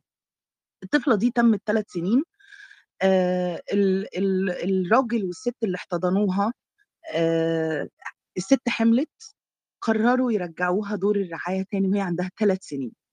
صاحبة الدور الرعاية وهي بتحكي آآ مشاعر الطفلة دي في أول يوم ليها وهي راجعة في دار الأيتام، طبعًا هم ما عليهمش أي التزام أو أي مسؤولية، هم خدوا كلبة احتضنوها وزهقوا من الكلبة رجّعوها بعد 3 سنين. طفلة بتقول بابا وماما، عارفة إن دول بابا وماما، آآ الست وهي بتحكي بتقول البنت وهو ماشي بتقول له: "بابا أنت سايبني ليه؟" لكم أن تتخيلوا يوم ليلة كاملة مرّت على هذه الطفلة آآ في دور رعاية وهي مش فاهمة هي متسابة ليه. فقبل ما نقول إجهاض ومش إجهاض، ادّينا حلول. المعاناة دي مين مسؤول عنها؟ ما فيش، آآ شخص غير مسؤول، إنسانة غير مسؤولة، قررت إنها تحمل أو حملت حتى بالخطأ، وقررت إنها تكمّل الحمل عشان خاطر الأعراف المجتمعية والدين قالوا لها ما ما تسقّطيش، وبدون مسؤولية قررت ترمي الطفل، والطفل ده كمان المجتمع داس عليه بالجزم. فقبل ما تقول لا للإجهاض اللي أنا على فكرة مع مع مع ده، أنا د أنا فعلًا مش عمري ما هاميل لكَفّة الإجهاض، عمري ما هافتح الlink ده وأشوف الأعداد اللي بتتزايد آآ وأقول آه أنا مع الإجهاض، لأ، أنا هاقول لأ، طَب ادّيني حلول، ادّيني حل. طَب حد عارف يا جماعة الحقن المجهري بيتم إزاي؟ في في دكاترة هنا حد عارف الفائض من الأجنة بيحصل ليهم إيه؟ هو ده مش قتل؟ كان لسه دكتور أحمد بيقول أنا عندي من عمري يوم آآ تتسمى روح، هو ده مش قتل؟ لفوائد الأجنة إنها بتُعدم، بناخد جنين واحد بس هو اللي بن آآ بن بنستخدمه والباقي بيُعدم، حد حد فكّر في موضوع الحقن المجهري أو اتكلم عنه؟ أجنة بتُعدم يعني. فأنا شايفة بصراحة قبل ما نطرح الموضوع ونقول نعم أو لا للإجهاض، يبقى عندنا في ال في الناحيتين حلول، إيه اللي بيحصل للطفل اللي بي بيكمل في ال في مجتمعاتنا العربية تحديدًا وبيتم ولادته، ماذا سيحدث لهذا الطفل بعد الولادة؟ آآ وخصوصًا إن أنا قُلت للست لا للإجهاض. فقبل ما ما نتكلم في في إجهاض أو لأ، لأ نتكلم في حلول يا جماعة. أنا أنا شرحت موقف واحد لطفلة عندها 3 سنين بدون أي التزام ناس احتضنوها ورجعوها، وحقيقي أنا بابكي كل مرة باحكي الموقف ده، لإني مش متخيلة يعني كَم الجحود اللي بقى عند البشر بصراحة. كَم الجحود إن أنا أتعامل مع الطفل على إنه كائن مفعول به، سواء وهو جنين أو حتى بعد ما يتولد، و وإحنا قاعدين بنتكلم بمنتهى الأريحية في حق الست بجسدها أو لأ، مع إن هي كل العبء عليها، وناسيين أصلًا حق هذا الطفل. فين حقوق هذا الطفل من أول ما يتولد، وبعد كده نبقى نتكلم آه والله مسؤولية صعبة الست جدًا يا نون، والموقف اللي أنتِ ذكرتيه ده أكبر دليل حتى على الكلام اللي أنا قُلته بقصة إن إحنا المفروض نوجّه اهتمامنا لإن إحنا نوعّي، يعني نعمل حملات توعية للشباب المقبلين على الزواج بمعنى الزواج ومعنى المسؤولية ومعنى الإنجاب، آآ ب قبل ما نقعد نهاجم فكرة الإجهاض وكده، فأنا بس ب بأُثمِّن على كلامِك يعني، اتفضل. طيب أنا أقاطعِك يا خلّصت. نون نون أقاطعِك ثانية واحدة معلش بس، آآ كل الناس تعمل report وblock للaccount ده عشان ده الaccount اللي بعت لجاكس حاجات في الothers آآ فيا ريت كلنا نعمل له block وreport. شكرًا، اتفضلي يا نون، أنا آسف قاطعتِك. لأ تمام، شكرًا. فأنا ما عنديش مشكلة خالص إن أنت تقول لا للإجهاض، وإن إحنا نقعد نقول لا للإجهاض، وإنه مش مش شيء لطيف إن إحنا نفتح link نقعد نشوف أعداد آآ آآ يعني. آآ و و وطبعًا هو الlink ده الأعداد دي مش كلّها بيبقوا أطفال، يعني إحنا بنتكلم في في في إجهاض اللي هو المبكر يعني، وعشان كده حتى حنان لمّا اتكلمت قالت الإجهاض الآمن، وكررتها كذا مرّة يعني. ك كشخص بشكل شخصي يعني، مع يعني أنا عندي مرض مزمن، لو أنا حملت تاني ده هابقى م باعرّض حياتي للخطر، فهابقى مضطرة بشكل أو بآخر إن أنا هالجأ للإجهاض. آآ في حملي الأول أنا كانت برضه حياتي م مُعرّضة للخطر، وفعلًا مرضي تطوّر ب بصورة كبيرة جدًا، جدًا بسبب ال الحمل والولادة، واتحجزت بعد بعد ما ولدت تاني في المستشفى آآ ب بأسبوع تقريبًا أو 5 أيام بعد ما ولدت مباشرةً، والدكتور رفض إن وأنا أنا برضه ح يعني كان unplanned ما كانش مُخطط ليه، كان كان خطأ. آآ لمّا حملت والدكتور بتاعي اتكلم معايا آآ كان مستاء جدًا، وقال لي: "ده خطر جدًا، كان في لازم ترتيبات معيّنة كتير تتعمل عشان تخرجي آمنة." طَب يا دكتور أنزّل آآ الجنين وهو لسه صغير؟ قال لي: "لأ، أنا مش هاقدر بصراحة آآ أتدخّل في حاجة زي دي عشان حرام." طَب طَب صحّتي وحياتي و و وحالتي، يعني أنا ممكن طَب أنا لو اتشلّيت مثلًا وما عرفتش أرجع تاني سليمة، آآ الطفل مين مين هي هي هيقوم على على رعايته وتربيته؟ رفض تمامًا إن إن هو يتدخّل في ده عشان الدين الدين بين قوسين قال له إن آمم لأ، هو خاف، يعني خاف إن هو يبقى بيتدخّل في قتل روح اللي هي كانت يعني كان لسه ال البيبي كان أسبوع، آآ رفض تمامًا إن هو يتدخّل، وكان عارف المخاطر اللي أنا هاتعرّض ليها، يعني أنا بعد الولادة مباشرةً بالنتيجة برضه لمرضي كان اكتئاب ما بعد الولادة، آآ ما كانش بسبب الولادة أو اكتئاب ما بعد الولادة، لأ كان بسبب المرض بتاعي، كان يوميًا، يوميًا وطبعًا يعني بما إني شخص مؤمن وعندي وعي بالمرض بتاعي، آآ طبعًا كان فكرة إن أنا أُقبل على الأفكار دي كانت بعيدة شوية، بس أنا ما كنتش ضامنة يعني. كان يوميًا بعد الولادة من من الأذى النفسي اللي أنا كنت حاساه، ومن ال الألم اللي أنا كنت فيه، ومن ومن بسبب مرضي، أنا كنت يوميًا بافكّر يوميًا لمدة شهر فعلًا أو أكتر، إن إزاي أتخلّص من نفسي ومن الطفلة الصغيرة ونرتاح. فلأ الست الست هي اللي تتكلم عن الموضوع، الست هي اللي بتتألم وهي بشكل أو بآخر بتبقى مُعرّضة للضغط، فلمّا نتكلم نقول لأ للإجهاض، ادّيني حلول، ادّيني حلول إن الطفل ده ما يترميش وناس تاخده، ادّيني ادّيني قُل لو في احتضان هيكون في مسؤولية وإلزام إن الأسرة دي متكفّلة بالطفل. تكفُّل كامل لحد ما يتم 18 سَنة، لو لو لو هتعمل موضة إن أنت ت ت تخلّي الأطفال تُحتضن في البيوت، تبقى تبقى قدر المسؤولية إن الأطفال اللي هتُحتضن في البيوت دي تبقى من أُسَر سوية، هتتقي ربنا في ال في الطفل ده وتربيه تربية سوية، لكن هنقعد نتكلم في شيء بديهي أصلًا إن الست هي العاتق عليها هي والحِمل عليها هي، يبقى لأ قبل ما ما نعمل ده ادّيني حل وامنع الإجهاض، بس ادّيني حل بديل يعني يضمن لل للطفل آآ إن هو يعيش حياة سوية كريمة، ما يتُّهمش طول عمره بإن هو ابن زنا وابن حرام ويتعاير طول عمره بده، ادّيني ادّيني الحلول لدي وبعد كده قُل لي الدين قال إن الإجهاض حرام وافرض ده على المجتمع زي ما أنت عاوز، بس وأنت مدّي البدائل وأنت مدّي الحلول،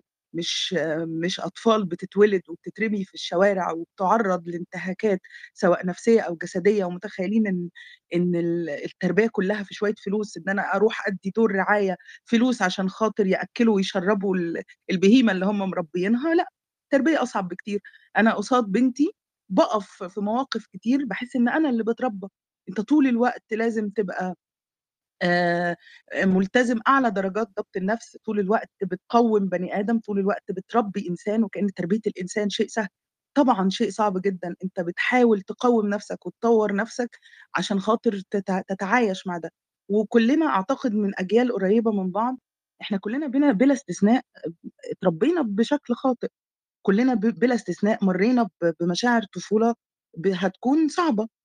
آآ يعني آآ أبويا وأم يعني أبويا نَفْسه قالها لي، قال لي: "أنتِ متطوّرة في إنِّك بتربّي بنتِك وإحنا اتعلّمنا منِّك وأنتِ بتربّيها، شُفنا شُفنا ده واتطوّرنا وطريقتنا اختلفت، إحنا وإحنا صغيرين ما كناش مُدركين لده." عندنا عندنا دلوقتي وعي أكبر، عندنا دلوقتي ناس المفروض مسؤوليتها وإن إحنا نوجّه لها الاتهامات أكبر، لإن أنت في وسط مجتمع بقى أكثر ثقافة نوعًا ما، أدوات المعرفة بقت متوفّرة أكتر من اللي أهالينا وأجدادنا كانت متوفّرة ليهم، كانوا آه بيخلّفوا كتير وارمي العيّل في الشارع هيتربّى وكان بيتربّى، بيمُر بم بمساوئ نفسية بنعاني منها إحنا بقى إلى الآن، ولكن أنت دلوقتي في مجتمع بيحاول أدوات المعرفة فيه أكثر، فالشخص ال ال اللي محتاج يثقّف نفسه ويبتدي يتفهّم مشاعر الآخرين وخصوصًا مشاعر الست تحديدًا، ويفهم إن من أول ما الست بتحمل وهرموناتها بتتغيّر وبتبقى طول الوقت في أعباء نفسية لحد ما بتولد وصراع وهي داخلة بتولد ما بين الحياة والموت، ويا ترى أنا هاموت والّا لأ، كل الأمهات ال اللي مرّت بالتجربة دي فاهمة إن مجرّد ما بتخلّف هي حياتها بالنسبة لها بقى ليها قيمة، هي طول كل يوم بتبقى خايفة تموت وتسيب الطفلة دي لأي حد أو الطفل ده لأي حد هو ممكن يربيه والّا لأ، طول الوقت كل يوم الأم تحديدًا بتكون في صراع كبير جدًا مع نفسها، مع حياتها، عشان خاطر تقدر تخرّج وتطلّع إنسان سَوِي يتخطى المراحل أو العُقد النفسية اللي الجيل بتاعنا مَر بيها بشكل أو بآخر، وأنا آسفة على الإطالة وشكرًا ليك. ولا أي حاجة يا فندم. ناخد هو كان ترني والّا إسلام كان قبلي؟ أنا مش فاكر بصراحة، خلاص إسلام ما فيش قبلك مشكلة يا واحد،. واحد هاستناه عادي. ماشي. بس دكتور إسلام. لأ برضه، برضه؟ معلش يا دكتور معلش أنت راجل دكتور طيب لازم نقول يا لك عم دكتور. مين يا عم أنا على باب الله، المهم يعني خلّينا بس في ال هو بس أنا في حد قال لي إن كان في نقاش اتطرح عن أهلية الجنين، مش عارف ده صحيح والّا لأ، لكن القضية معقدة شوية وفي حاجات يعني أنا سمعت تقريبًا كذا مداخلة من ساعة ما كنت تحت قبل ما أنام ولمّا طلعت ولمّا رجعت والقصة دي، في شوية مشاكل كده إحنا محتاجين نفصصها شوية بس سمعت عشان الجنين السابق يا إسلام؟ لأ والله يا تينا فاتتني دي، بس خلّينا أبو نتكلم بس بكر في بيتكلم بصيغته جنين سابق، فممكن تقول لنا قانونية الموضوع برضه.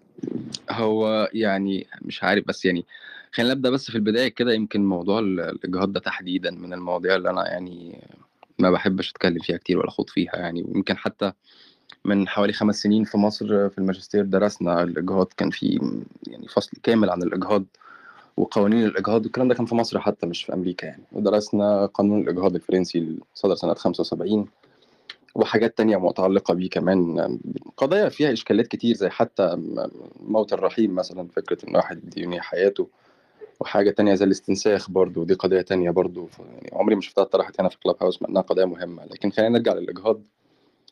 ولنبدأ الأول بموضوع الأهلية لأن الأهلية فيه شوية إشكاليات كده. هل الجنين له أهلية قانونية؟ قطعًا له أهلية قانونية، ده لا خلاف فيه. طيب إيه هي بقى لا خلاف فيه في مصر، إحنا بنتكلم عن النظام المصري. الأهلية في مصر بتثبت للجنين إحنا عندنا نوعين من الأهلية، عندنا حاجة اسمها أهلية الوجوب وحاجة تانية اسمها أهلية الأداء. أهلية الوجوب دي اللي هي حق الإنسان في التمتع بالحقوق وتحمل الالتزامات. وأهلية الأداء هو حق الإنسان في إجراء التصرفات القانونية، زي إنه يبيع، يشتري، يعمل business، يسافر، يبقى خلاص يبقى يعني كِبِر، زي ما أحمد عبد كده كان بيقول كِبِر وبقى راجل. القضية بقى في إيه، إن هل الجنين ده مثلًا قبل ما ييجي الحياة هل هو أهليته هل ليه أهلية؟ آه ليه أهلية. طب الأهلية دي إيه، وجوب والّا أداء؟ أهلية وجوب. طب أهلية الوجوب دي غريبة شوية لإن هو بتقول لك إن الإنسان ليه حقوق تثبت له الحقوق ويتحمل بالالتزامات. طب إزاي الجنين ده هيتحمل بالالتزامات؟ فييجي الفقه المدني يقول لك لأ، بتثبت له أهلية وجوب ناقصة. اللي هو الشق الإيجابي من أهلية الوجوب، اللي هو إيه، اللي هو الحقوق الطبيعية. يعني هو في بطن مامته كده هو ليه مجموعة من الحقوق، زي إيه، زي زي مثلًا حق أن يولد حيًا، لإن الحياة حق من الحقوق الطبيعية. حق إيه، حق إنه لمّا يولد للحياة لا يُقتل ولا يُعتدى عليه، ولا يتم التشهير بيه، ولا يتم أي شيء يخُص يأذيه يعني أو يأذيه في مستقبله. فدي أهلية بتثبت للجنين. طيب بعد كده لمّا بيتولد بينفصل بقى عن الوالدة وبيخش في حاجة اسمها مرحلة التمييز. مرحلة التمييز دي اللي بتبدأ من سن 7 سنين، يعني لحد ما بيوصل 7 سنين هو ليه أهلية وجوب كاملة ناقصة. من 7 سنين ل around كده 15 سنة دي اسمها مرحلة التمييز، وهي المرحلة اللي بيبدأ فيها إنه يبدأ يدرك الحياة ويستوعب إيه هي الحياة وهكذا. بعد كده ال بتوصل في بعض الدول ل18 سنة طبعًا، عشان كده في اتفاقية الطفل 89 بتقول لك إن سن الطفل هو 18 سنة. ولذلك قبل 18 سنة لو الطفل ده عمل جريمة مش بنعاقبه بقانون العقوبات، بيبقى حدث، لإنه لسه لم تثبت له الش الأهلية كاملة.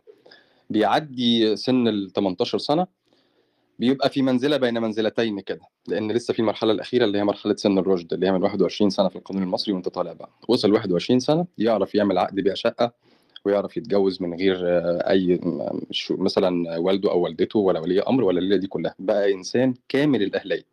كامل الأهلية بشقّيها بقى الوجوب والأداء الاتنين، وبيثبتوا له لحد ما يموت. عنده الأهليتين دول، إلا لو حصل حاجة اسمها من حاجة من من عوارض حاجة اسمها عوارض الأهلية، زي الجنون أو السَفَح. ساعتها ممكن نرفع قضية حجر، ابنه يرفع قضية حجر لإنه بقى مجنون أو سفيه، ما يقدرش يتحكم في أمواله، فلازم ابنه هو اللي يتحكم فيها.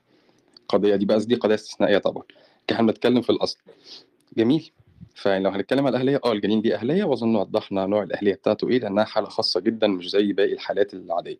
عندنا مراحل بعد كده، اللي هي مرحلة ال الطفولة أو مرحلة ال ال سوري آه، الطفولة، بعدها التمييز، بعدها مرحلة الرُشد اللي هي المرحلة الأخيرة، وفي حالات استثنائية بيبقى الطفل ده عنده 18 سنة، تم 18 سنة، بس لسه ما بلغش الرُشد اللي هو 21 سنة، بس ينفع يعمل تصرفات قانونية كاملة، ينفع يبقى ليه أهلية أداء، بس دي بتبقى استثناء وبتبقى بإجازة من المحكمة.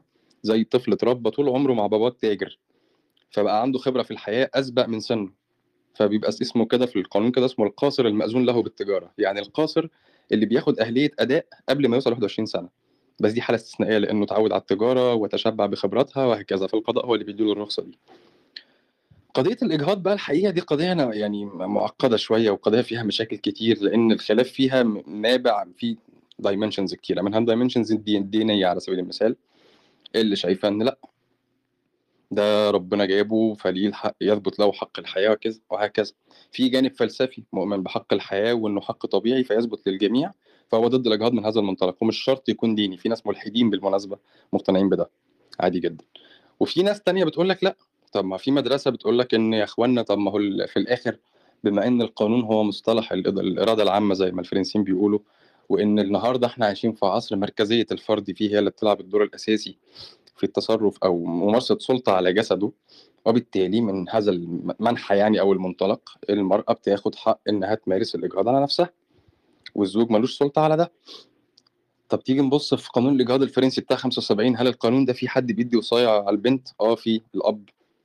الأب في بعض الحالات في القانون الفرنسي بيبقى ليه سلطة على بنته في موضوع الإجهاض خصوصا لو كانت طفلة أو حاجة يعني.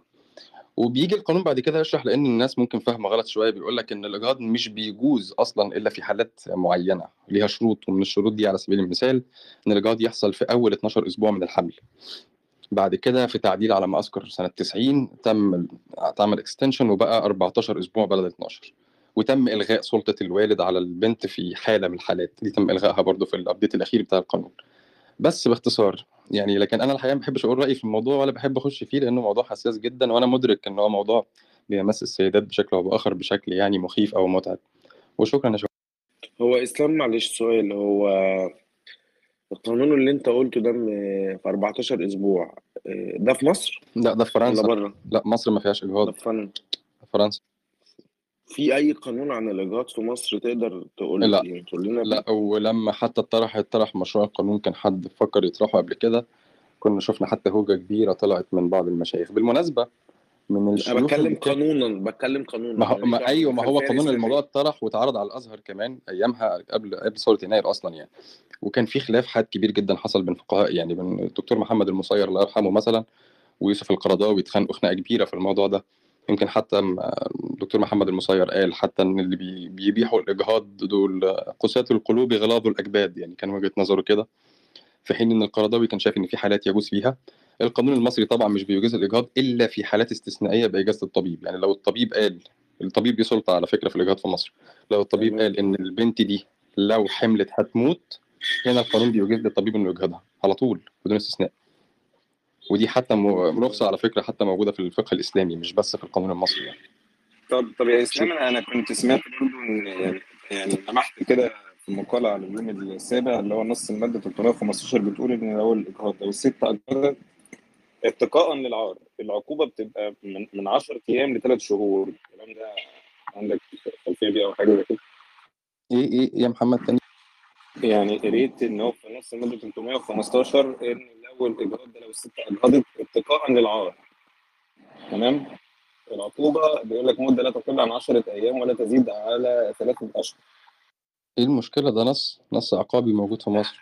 يعني أصل هو كان في كلام كتير في ال room على فكرة إن هو في سيدات كتيرة جدا بي- بي- بيضطروا إن هم يعملوا مثلا فكرة يعني يجهضوا خوفا من العار يعني نظرا للثقافه هو ده نص نص تشريعي يعني. موجود بس في الآخر القضاء هو اللي بي- بيشتغل عليه يعني هو اللي بيجيزه أو لا يجيزه دي حاجة بتخضع للقضاء ملهاش دعوة بيها يعني. بس ده نص تشريعي موجود إيه هو في يعني تفريق يعني already في تفريق already آه، ما بين. ما هو اتقاء للعار دي لأن هو القانون بيبص هنا لمصلحة الجنين اللي تم إزهاق حياته. هي الفكرة جاية في كده. زي هتلاقي نصوص تشريعية مثلا ممكن تستغربها بس هي واقعية جدا زي مثلا في حاجة اسمها القتل بالسلب أو القتل بالامتناع على سبيل المثال. إن ام مثلا تمتنع عن ارضاع طفلها فطفلها يموت. ده قتل مش قتل عمد. ما يتسماش قتل عمد ده اسمه قتل بالامتناع أو قتل بالسلب لأن المسؤول كان متعين عليه أن يتخذ مجموعة من الإجراءات اللي هي ارضاع الطفل ولم يتخذها فتسبب في موته. فده اسمه القتل مثلا بالسلب أو القتل بالامتناع. قضية معقدة شوية يا أبو بكر بس حاجة قانونية يعني. لكن ملهاش علاقة بنتكلم فيها إحنا بنتكلم في الأصل والقاعدة إن القانون المصري أو المنظومة القانونية المصرية بتنظر لحق الحياة وإنه حق طبيعي للطفل. okay okay تمام. هو بس أنا ذكرت شكرا الحتة دي علشان كان في ناس بتتكلم على فكرة إن في ستات كتيرة بيضطروا يعملوا الموضوع ده. فأنا تساءلت هل القانون المصري بي بيفكر في حاجة زي كده أصلا آه ولا يعني متجاهل الموضوع ده؟ هي مادة موجودة بس ملهاش تطبيقات خالص الحقيقة يعني ما صادفناش في دراستنا خالص أي تطبيق ليها. ممكن أسأل اسلام شكرا سؤال؟ يا يا شوال؟ اتفضلي يا فندم. لا طبعا بما إنه اسلام يعني أكتر حد في اللزوم على القانون المصري آه، آه، هو يبدو الموضوع بعيد شوية بس عايز أسألك يا إسلام هل صحيح ان في القانون المصري لفترة طويلة وفي أغلب الدول العربية كان بيقول إن لو واحد اغتصب واحدة وعرض عليها الجواز بيجوزها له وبيسقطوا عنه التهمة؟ آه ده كان موجود آه في أغلب التشريعات العربية كان موجود. أوكي. وأعتقد آه، موجود لحد النهارده في لبنان لبنان القانون فيها بيقول كده والأردن الأردن. آه كذا دولة عربية آه فيها الموضوع ده. بالظبط أنا بس بقول المثل ده ليه؟ علشان نعرف إنه في لكشه من القوانين المصرية والعربية الحقيقة ما فيهاش أي علاقة بالإنسانية. فمعنى إنه موجود القانون الواقع بامتياز ذكورية معنى بامتياز وجود معنى وجود القانون على أرض الواقع ده مش معناه حلاوته ولا جماله ولا إن إحنا لازم نمشي بيه. إحنا كل الناس أنا أدعي إن الستات اللي قاعدة في الروم دي عايزة تغير الهبل ده. واحدة واحد اغتصبها ده تم تغييره في مصر يا جاكي ما عادش موجود. طيب ماشي ماشي. أنا بس إمتى؟ إمتى يا إسلام غيروه؟ ماشي مؤخرا. ما هو في النهاية إمتى؟ بصي يا إمتى؟ جاكي بصي لا يا مش جاكي. مؤخرا. لا لا خليك معايا بس عشان أنا أنا مم. ال- ال- إمتى يا عايزة جاكي؟ اثبت قولي. نقطه إمتى أنا بسألك إمتى؟ غيروه إمتى؟ قولي لي انت إمتى. التسعينات لا. بعد كده أعتقد. لا ماشي. حلو قوي أنا أنا قلت يا سيدي في التسعينات من عندي أهو بقى شاشة. ده مم. معناه النقطة بتاعتي أنا بسأل السؤال ده ليه دلوقتي في الموقع دي إنه كون إنه في قانون موجود في الأوطان العربية ده مش معناه إنه حلو بسكر ولازم نمشي عليه ده معناه إنه في ظلم واقع على الست دي لأن في واحدة حد اغتصبها فبيقولوا لها اتجوزيه اتجوزيه وإحنا هنسقط عنه التهمة. عليه أهلها بيجبروها عليه اتقاء للعار والست دي تنتهي إنها تتجوز مغتصبها بالقانون. فمعنى إن في قانون بيقول إجهاض ولا ما إجهاضش ومش عارفة ده مش معناه إنه حلو بسكر يا جماعة بس. هو بس في حاجة يا جاكي إن إن أصلا ما فيش دولة في العالم ما فيهاش ترسانة قوانين قديمة محتاجين نتجاوزها يعني على سبيل المثال على فكرة هقول لك بس حاجة لطيفة يعني. فرنسا فيها قانون ما من حدش أنكر 1910 الكلام ده يا إسلام. ما قول هو بس عشان ما بس لأ حدش يعني في يعني. هي موجود القضية بس كل هي كده في الدول نقطة عادي. بس إن إن أي دولة في العالم بالظبط ده شيء طبيعي جدا يا جماعة. إيطاليا فرنسا ديت على سبيل المثال 1910 صدر فيها تشريع بتجريم ركوب المرأة للعجل البايسكل. والقانون ده ألغي من حوالي أربع خمس سنين يعني من حاجة بسيطة جدا يعني. ما حلو كانش موجود ما فده كانش موجود فيه. فده يبقى يعني ما بيركبوش أنا عجل بدي مثال زمان يا يعني. جاكي على ولا نقطة إن في إن إن طول ما إحنا عايشين وبنتطور طبيعي جدا يبقى في قوانين هتبقى طبعا لزماننا ده بالية بل طبعا ونغيرها. طبعا طبعا بس الوضع اللي بتتكلمي فيه اتغير في مصر. السعودية بطلوا يسوقوا الستات لا عربيه يعني عشان مش عارفة إيه وغيروه ما هو ما هو بالعكس يعني هقول لك اسمعني طيب. هقول لك بس أنا بقول ليه الكلام ده لأن في ناس في الروم دي هيطلعوا يقولوا شفتوا القانون المصري حلو أهو وفي حاجات ولازم نمشي تبع القانون ولازم نحترم القانون ومش عارفه وكأن القانون ده كان أصلا ليه معنى ولا مغزى. أنا بس حبيت أستدل بالحكاية دي على إنه آه في قانون. لا هي هي في مصر تجاوزت ده يا جاكي وأضافت ساعتها بتبقى مجنونة ماشي ملهاش ماشي. معنى ما ملهاش بقول لك مصر أصلا. يا جاكي مصر تجاوزت ده مثلا. على فكرة قانون الحزبة كمان اللي كان بالحق الاحتباس اللي كان بيدي للزوج الحق في إن مراته تقعد في البيت ما تطلعش. سنة 2001 القضاء المصري حكم نهائيا السفر المحكمة الدستورية. وحاجات كتير قوي ما لا ما هو ده بطل برضه المحكمة الدستورية ما أبطلت ما لا عارفة إنه بطل بقول يعني في بنتطور وبنتغير وخلي بالك يعني الاقتصاد مش بس اتغير أنت بتاخد مقاطعتي في سياق تاني أنا مش بتكلم باخد انه في مقاطعتك في سياق تاني. أصل أصل الغريب يا جاك إن انت رايحة تجيبي حاجة هي أصلا تم تجاوزها يعني الفكرة في كده. لا مش بالعكس أنا عايز أقول لك معلومة بقى لا لا لا لا لا لا حضرتك ما فهمتش. لو أنت ما فهمتش وجهة نظري يبقى الناس التانية ما فهمتش. أنا قصدي يا كون في قانون. فهمت. ما دام تجاوزنا اللي فات يبقى ممكن نتجاوز نتجاوز الحالي. ما ده اللي أنا مش بقوله. دليل على معمول بيه على أرض الواقع مش معناه إنه حلو بسكر. معناه إنه ممكن يتغير زي ما قوانين تانية هو مين قال إنه حلو بسكر أصلا؟ مين قال مش كده. انت مش انت. ناس طيب. تانية مش انت. أنا بس عشان هو الفكرة بس معلومة مع زايدة كمان على الاغتصاب إن الاغتصاب اتشدد وبقت كمان الاغتصاب في مصر إذا اقترن بخطف يعاقب اللي عاملها بالإعدام شنقا كمان يعني. الموضوع ما عادش فيه هزار خالص يعني. يعني حتى الظروف المشددة للاغتصاب زادت واتشددت أكتر في القانون المصري. طب سؤال يا إسلام معلش. لو حد بيهزر مع حد على ال back channel ده وضعه إيه قانوني؟ مش فاهم يا شواف إزاي يعني. بيهزر بيأمن مع نفسه بيأمن نفسه أيوه. بتهزر مع مين يا شواف لا ما بهزرش مع حد والله أنا خايف الدنيا هنا كلها بس بس ما هو يعني عايز حد يعرف عايز يعاقب قبل ما يهزر عايز يعرف إيه العقوبة عشان يهزر. أنا بتابع والله لو هتبعت حاجات زي اللي اتبعتت سمعتش المداخلة بتاعت أحمد كلها أنا دخلت على آخر حتة بس فأنا مش قادرة أحكم عليه. أنا شخصيا ضد الإجهاض قلبا وقالبا unless في حالة اغتصاب مثلا اللي هي هي مش بمزاجها أصلا. هو حد حقير وحصل اغتصاب فطبيعي إنها مش هتشيل الطفل ده ودي في آراء شرعية كتيرة قوي اللي هي بتحلل الموضوع. موضوع بقى إن أنا بمزاجي بروح وبعدين بقى إيه فلت مني فخير إن شاء الله هجهض أنا شايفة إن دي قتل روح طبعا يعني أنا في الآخر مش حقي إن أنا أحرم روح إن هي تحيا أصلا فأنا ضد الإجهاض في الأساس. موضوع إن الإجهاض شيء آه، بتتعذب فيه المرأة psychological و physiological طبعا طبعا ال- ال- الإجهاض مش شيء آه، سهل ابدا. وخصوصا زي ما ما جاكس قالت اللي بيتعمل تحت السلم دي ده ده كارثة. يعني آه، أنا شايفة إن هو ال impact بتاعه أصلا على الإنسان على المرأة نفسها وعلى حتى القرار نفسه أنا عندي عليه بصراحة معضلة أخلاقية. ولكن أوافقها إن هو موضوع سيء جدًا وموضوع مُتعب ومُرهق ويعني نفسيًا وجسديًا بشكل مرعب. ما أعرفش إحنا هنتداخل في نفس الموضوع والّا أنتم بتتكلموا عن نقطة الإجهاض دي؟ إحنا والله كنا بنتكلم عن الإجهاض والإجهاض ودانا لحالاته وكان دكتور أحمد شرح من شوية وفي ناس قالت آه إحنا هنتكلم وناس قالت ما نتكلمش والموضوع كان طويل يا ريم، فلو أنتِ حابة تستني شوية ناخد رأي ولو عايزة تعقّبي من حقِك تعقّبي. ما فيش مشكلة 30 خلاص عشان ثانية أبقى بتوعي اتفضل اتفضل يا خالص. أحمد، هو 30 اتفضل يا ثانية أحمد. بمنتهى البساطة إن الموضوع ده مُتعب أو مش مُتعب، حتى لو واحدة ز هي آآ دكتور ريما أو أستاذة ريما هي اختصرت يعني كانت ونعم الاختصار يعني. ما ما تغلطيش من الأول يا ماما، يعني لو ده حاجة illegal أو حاجة برّه الإطار المجتمعي آآ وما باكلمش حضرتك يعني ما باكلمش أنا باتكلم على الcase نفسها. ما تغلطش في البداية يعني آآ وخلاص. طيب لو واحدة عملت هي حاولت هي اللي تجهض نفسها وما إلى ذلك، منتهى ال الشرف والأمانة الطب، دكتور أحمد لمّا كان بيتكلم قال مش هاسيبها لو هي جاية لي as an urgent situation مش هاسيبها. آآ هاحميها خلاص دي واحدة بت بتموت.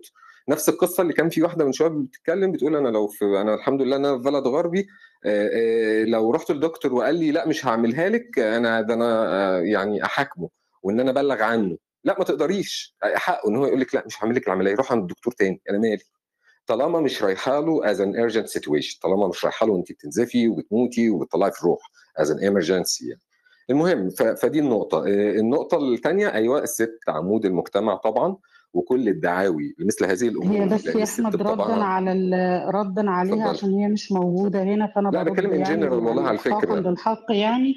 آه، آه، هي كانت تقصد إن لو راحت لطبيب وقال لها الرد اللي قاله دكتور أحمد تحديدًا، اللي هو إن أيوه الدين. بيمنع ده وإن ما أعرفش إيه، والقانون في البلد دي بيقول إن ال إن الإجهاض ممكن وإن في هو آه بُصّي يا فندم في يعني ق قانون. الإجهاض قانوني وأنا ف أعرف دكتور بنفسي ب بيرفض أنا بيرفض باصحّح لك الحالات. بس أنا أنا أنا أنا لك طبيب في في في في نيويورك سيتي بي بيرفض الحالات، يعني أنا أعرفه شخصيًا صديق ليّا ومش مسلم ومش عربي خالص، ب هو هو ممكن يرفض. إن هو نفسه يعمل العملية، لكن ما لوش حق إن هو ينظّر عليها أو يقول لها لأ ما ينظّرش عليها ما لوش غلط أو دعوة. حرام لا، لا، لا، لا ما لوش دعوة بالضبط. خالص، خالص، خالص. ما هو ده اللي هي كانت بتقول لازم أعمل disclaimer بس عشان دكتور أحمد اتفضل. صالح قال بالنص أنا لمّا اتطلب مني أعمل ده وأنا في إنجلترا قُلت لأ عشان أنا عقيدتي بتأمرني أو أنا دكتور مسلم آآ مصري.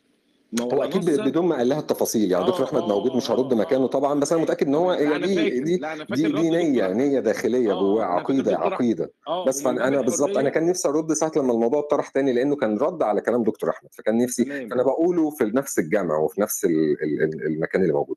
عمومًا أنا تمام. أنا أنا خدت وقت طويل، آآ أتمنى بس وجهة نظري تكون واضحة، آآ والحتّة بتاعة إن اللي بيقول لها آه خدي فلوس زي ما ما أستاذ سعد وزي ما شواف وضّحها برضه بشكل تفصيلي، أيوه هو نفس الراجل اللي بيقول لها حريتِك الشخصية وبراحتك روحي اعملي علاقة مع لازم أوضّح الكلام، باحب أكون الكلام بس إيه بسيط إن حقك اعملي توصف اللي كل عاوزاه.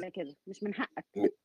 لا يا فندم أنا بس دي وجهة نظر، زي ما كان في واحد من شوية كان بيقول اللي أنتم بتقولوه ده هبل واللي أنتم بتقولوه ده عبط، آآ الرأي الطبي والشرعي والديني والأخلاقي والمجتمعي ده عبط. فأنا برضه ده رأيي الشخصي. في الشخص اللي بيقول على واحدة اللي هو براحتك وحريتها الشخصية وتعمل اللي هي عاوزاه ودي هي اللي بتتألم، ده هي اللي مش عارف إيه، لأ ده ده هو نفس الشخص اللي بيطلع ندل وأنا شُفت أمثلة من كده وقُلت أنا مش حابب إن أنا أدخل لمواضيع شخصية، لكن والله، والله، والله يعني أنا مش ما باحبش أحلف بس الموضوع ده أنا اتحطيت في طيب مواقف زي كده ووقفت هو جنب ناس يعني على حاجة. يعني في 4، 5 أنت حالات في حالاتي وقفت جنبهم. في حاجات زي كده. أنت حطيت الحالات أنت حطيت الحالات ما بين قوسين في اللي هي ال اللي بتتم خارج العلاقات الشرعية، طب لو علاقة شرعية؟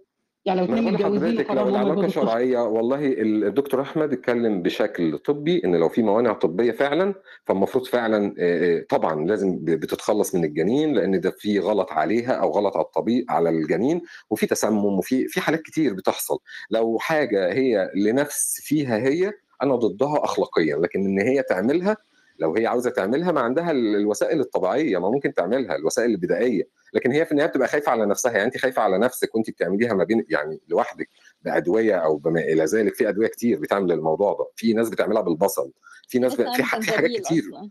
ب بالضبط، في ناس كتير بتعمل حاجات كتير وبعد كده يجروا على الدكتور الحقني. Urgent situation أنا باموت، وبيلحقها. هيسيبها تموت عقابًا ليها إن هي اتخلّصت من طفل وبيبقى فاهم. بس نفس القصة زي اللي ممكن يروح يفتح لي مش عايز ادي أمثلة. عموما بالظبط بالظبط. أنا آه، يلا يلا يلا. عموما أنا خلصت طيب، إيه، ويلكم باك يا دكتور أحمد.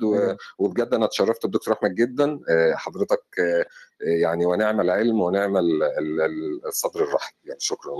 حسين وإسلام في حاجة بس يا شواف يعني أنا مش عارف اتفضل يا إسلام بعد كده أحسن. لا ده ده بس يعني حاجة لافتة كده سريعة يعني. أنا مش عارف ليه دايما الخلافات دي بتوصل في الآخر.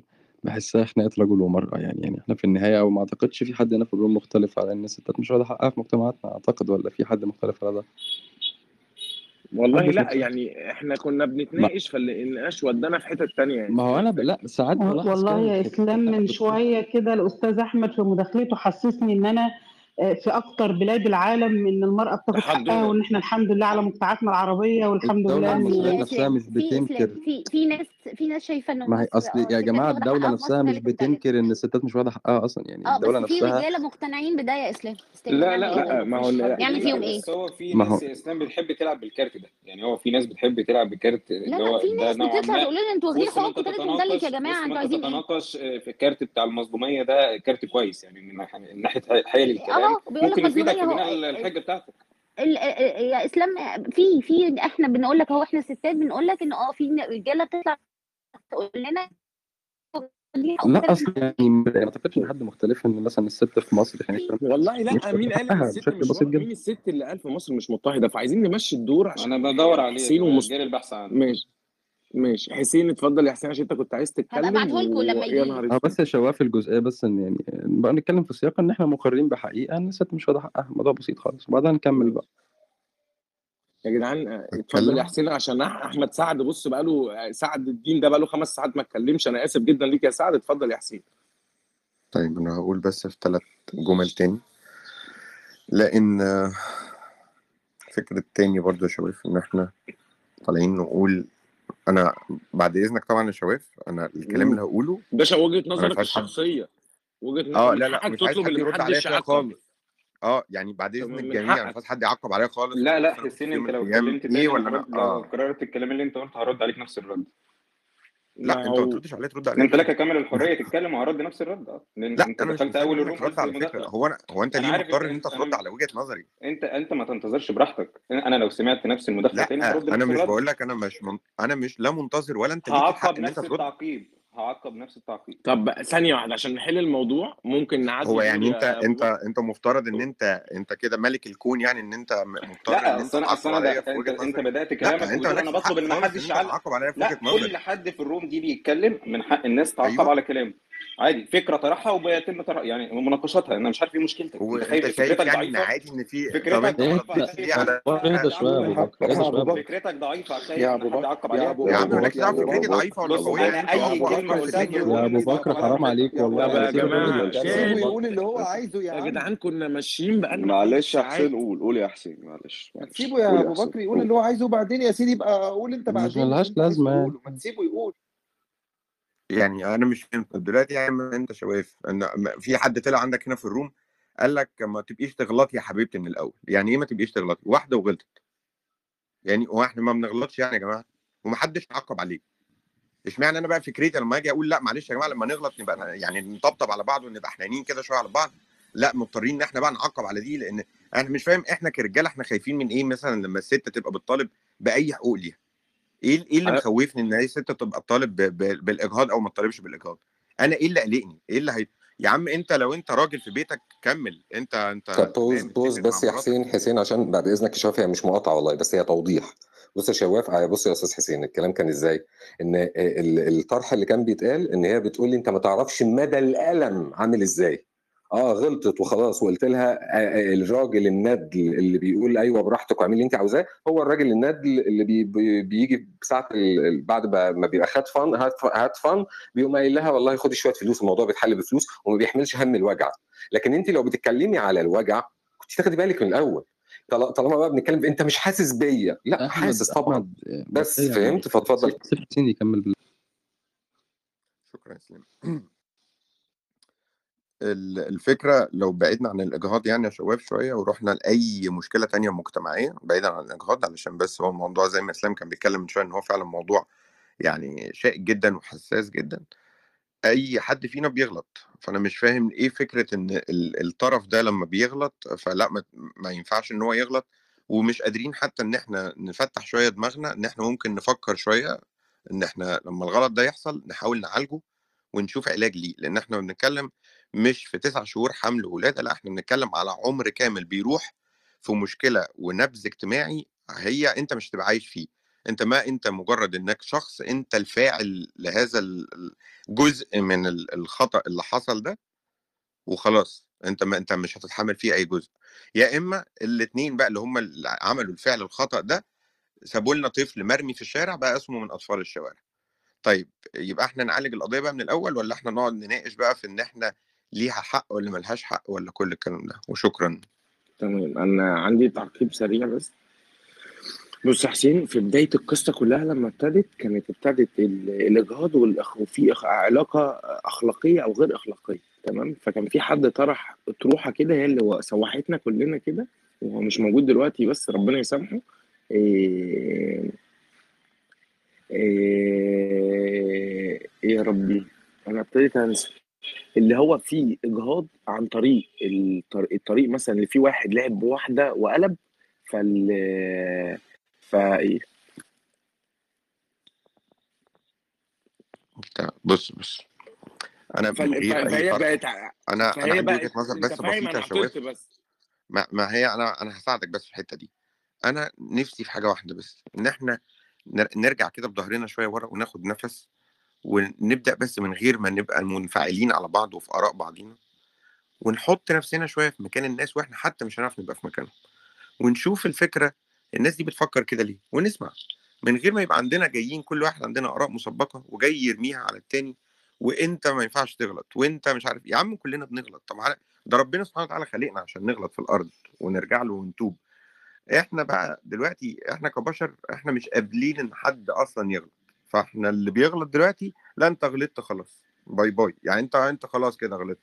ما هي اصل مش مش فورة هو مش ده هو مش ده الهدف يا حسين برضو خلي بالك ان البني آدم ده غلط والفورة وبقى سواء بنت أو ولد أو أي حاجة لا مش ده كان الهدف والله. الهدف ال- الاستسهال الغلط من وجهة نظر مجتمعنا أو علاقة غير تحت إطار قانوني أو إطار شرعي تمام من سواء أي ناحية دين أو أي ناحية علمانية أو أي ناحية قانونية فهو الشباب دي بتلعب بالقصة دي. بعد كده تيجي البنت دخلنا في قصة اللي ده أخلاقية ولا مش أخلاقية عشان دي بقت روح أو في جنين أو في أيا كان تمام؟ فعايزين نقفل النقطة دي تمام؟ ونروح لسعد عشان سعد ما اتكلمش بقاله خمس ساعات آه وبليز أنا عايزة أعقب عشان أنا فهمت الموضوع دلوقتي آه لما اتفضل يا أستاذة ريم. معلش أنت دورك يا سعد في تمييز إيجابي. معلش يا سعد.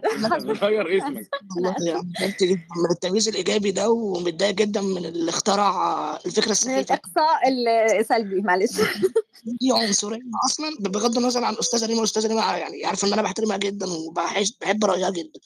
بس بغض النظر عن كده يعني اللي اخترع التمييز الإيجابي ده كائن عنصري كائن متخلف كائن رجعي كائن فعليا عاوز يخلينا اخترع نكره أكتر ما إحنا فين؟ بصراحة يعني.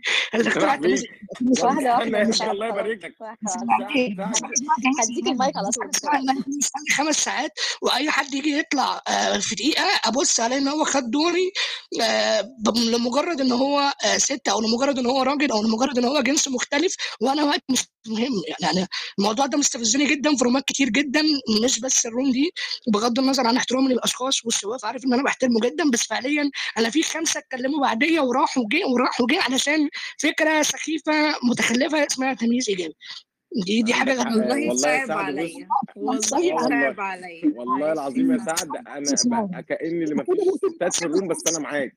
هم بيتكلموا كتمييز إيجابي جميل ويقعدوا هم يغردوا في السرب بغض النظر عن إن أنا فعليا فعليا والله بحترم كل البنات.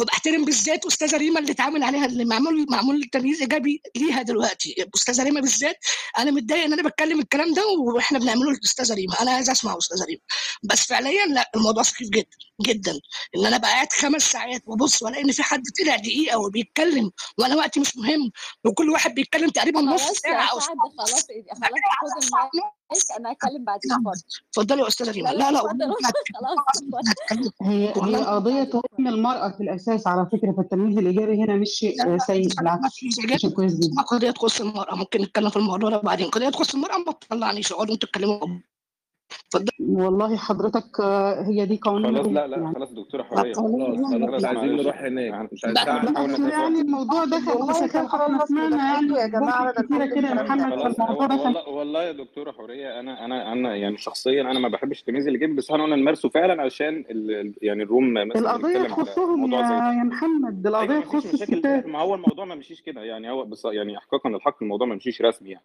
لا كان في مناقشات وفي مقاطعات بتحصل وفي خد وهات واتأخرنا على سعد. ما هو فعلا هو فعلا. يا دكتور وخدت فرصه أكتر من سعد. بقاله كبير آه سعد بقاله في- فهو الموضوع مش بس كبيرة. أصلا تمييز. إحنا أخطأنا برضو في حاجة فأنا بعتذر لسعد ويعني لو هو عايز يتكلم حتى يعني تقريبا ريما تطوعت وقالت لو هو حابب لا يتدخل لا قبلها لا يعني. لا لا أستاذة ريما أنا فعلا عشان موضوع الناس ما تحسبوش إن هو على أستاذة ريما لا هي لها كل التقدير والاحترام فبعد إذنك يا أستاذة ريما اتفضلي اتكلمي الأول وأنا بعديك مفيش مشكلة. اخلاقك يا أنا مش هطول خالص أنا يعني 30 ثانية يعني. لا هو أنا أنا عندي بس مشكلة مع الطرح اللي اتقال إن خلاص آه، هي يعني عشان غلطت فهي تصلح الغلط بغلط أكبر منه. ما هو تاني أنا إحنا مش مختلفين خالص إن الإجهاض على المرأة شيء آه، آه، مستفز وشيء متعب جدا ومرهق نفسيا وجسديا وشيء مش مطلوب أصلا. يعني هو مش طبيعي إن ربنا بيجيب لنا خلق لنا رحم وبيجيب طفل عشان الطفل ينزل وننزع منه الحياة أصلا. دكتور فسواء ريما دكتور ريما أنا شواف اللي هقطعك. معلش زياد. أنا ماشي. الروم بتاعتك اهي سلام. الروم كانت أمانة.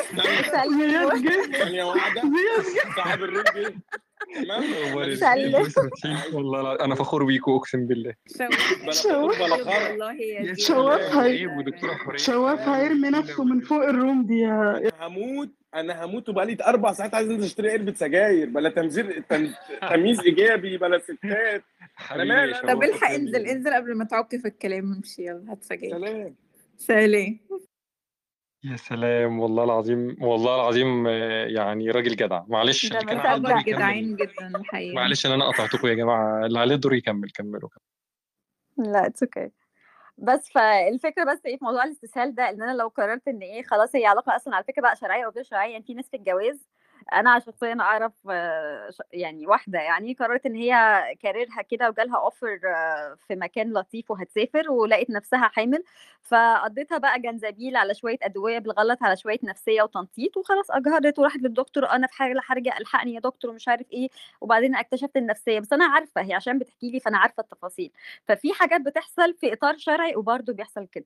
فكون إنك بتفتح الباب إن الإجهاض آه تمام آه، ده بيعمل حالة استسهال بدل ما تحل ال root cause فلما تركز قوي على ال root cause وتقفل التبعات الغلط اللي بعديها ساعتها تحل المشكلة تماما اله فالمشكلة هي قالت إيه؟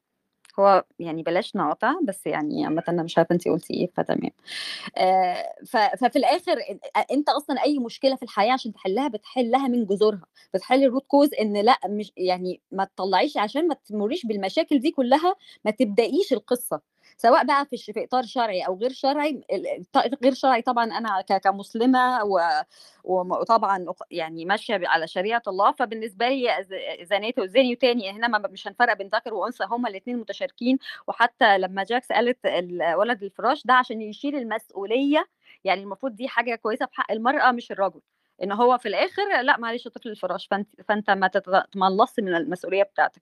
بس يعني بعيدا عن ده كله آه، موضوع إن هو لو في إطار غير شرعي وحصلت غلطة وبعد كده جه طفل فمش من حقي أسلب منه روحه عشان أصلح غلطة بغلطة تانية. والراجل اللي المفروض انه الراجل اللي عامل المشكلة دي المفروض إن هو يستحمل ويشيل. مش مش خلاص روحي اجهضي ور- ورايح دماغي وأنت اللي هتتعبي وأنت اللي هتمري بكل القرف ده. لأ ولو في إطار شرعي فأنا مش من حقي إن ربنا خلق جوايا آه، طفل وأنا ما عرفتش بقى أنظم الدنيا safe periods مش عارف إيه وفي الآخر لأ أنا عندي career فالطفل ده مش من حقه إن هو يطلع دلوقتي مش قراري أصلا. آه بس أنا مش هطول كده عن كده عشان سعد ياخد المداخلة بتاعته. شكرا. إيه بتكلم يا جدعان ولا إيه دلوقتي؟ آه اتفضل اتفضل يا يا- سعد طيب آه علشان بس الكلمة اللي اتقالت إن هو أصلا الموضوع يخص الستات ومش المفروض إن الرجالة تتكلم فيه آه لا يا فندم هو الموضوع ما يخصش الستات بس أنا الموضوع ما يخص قلتش مش المفروض الرجالة تتكلم فيه أنا ما قلتش الكلمة. أنا قلت إحنا بنعمل تمييز إيجابي للستات عشان خاطر ده موضوع يخصهم ده اللي أنا قلته والله. في في حد تاني قال كده يا دكتورة حورية في الروم طب برضه ما يعني تقطعش لو سمحت ما اتفضل يا سعاد تقطعش اتفضل.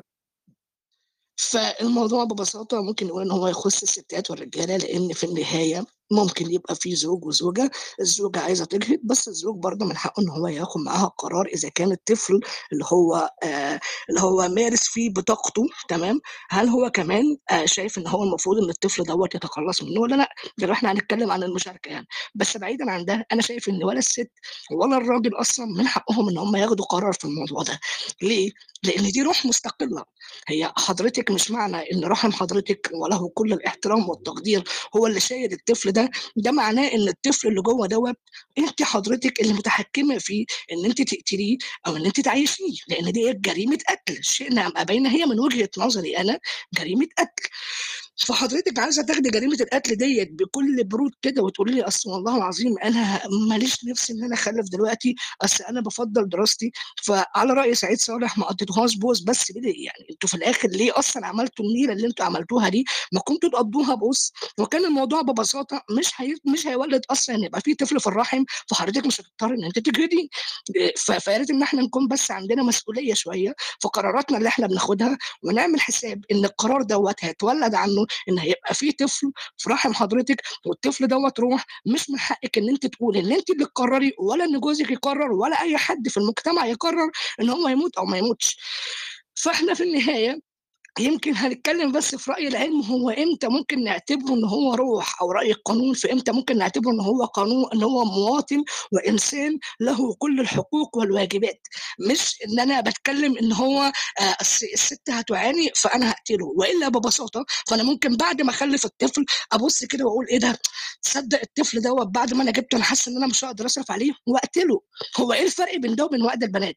إيه الفرق بين ده وبين الدرونيه الاجتماعية اللي بتقول والله إن إحنا الناس دول مش هنقدر نصرف عليهم فيلا نقتل كل المعاقين ويلا نقتل كل كبار السن.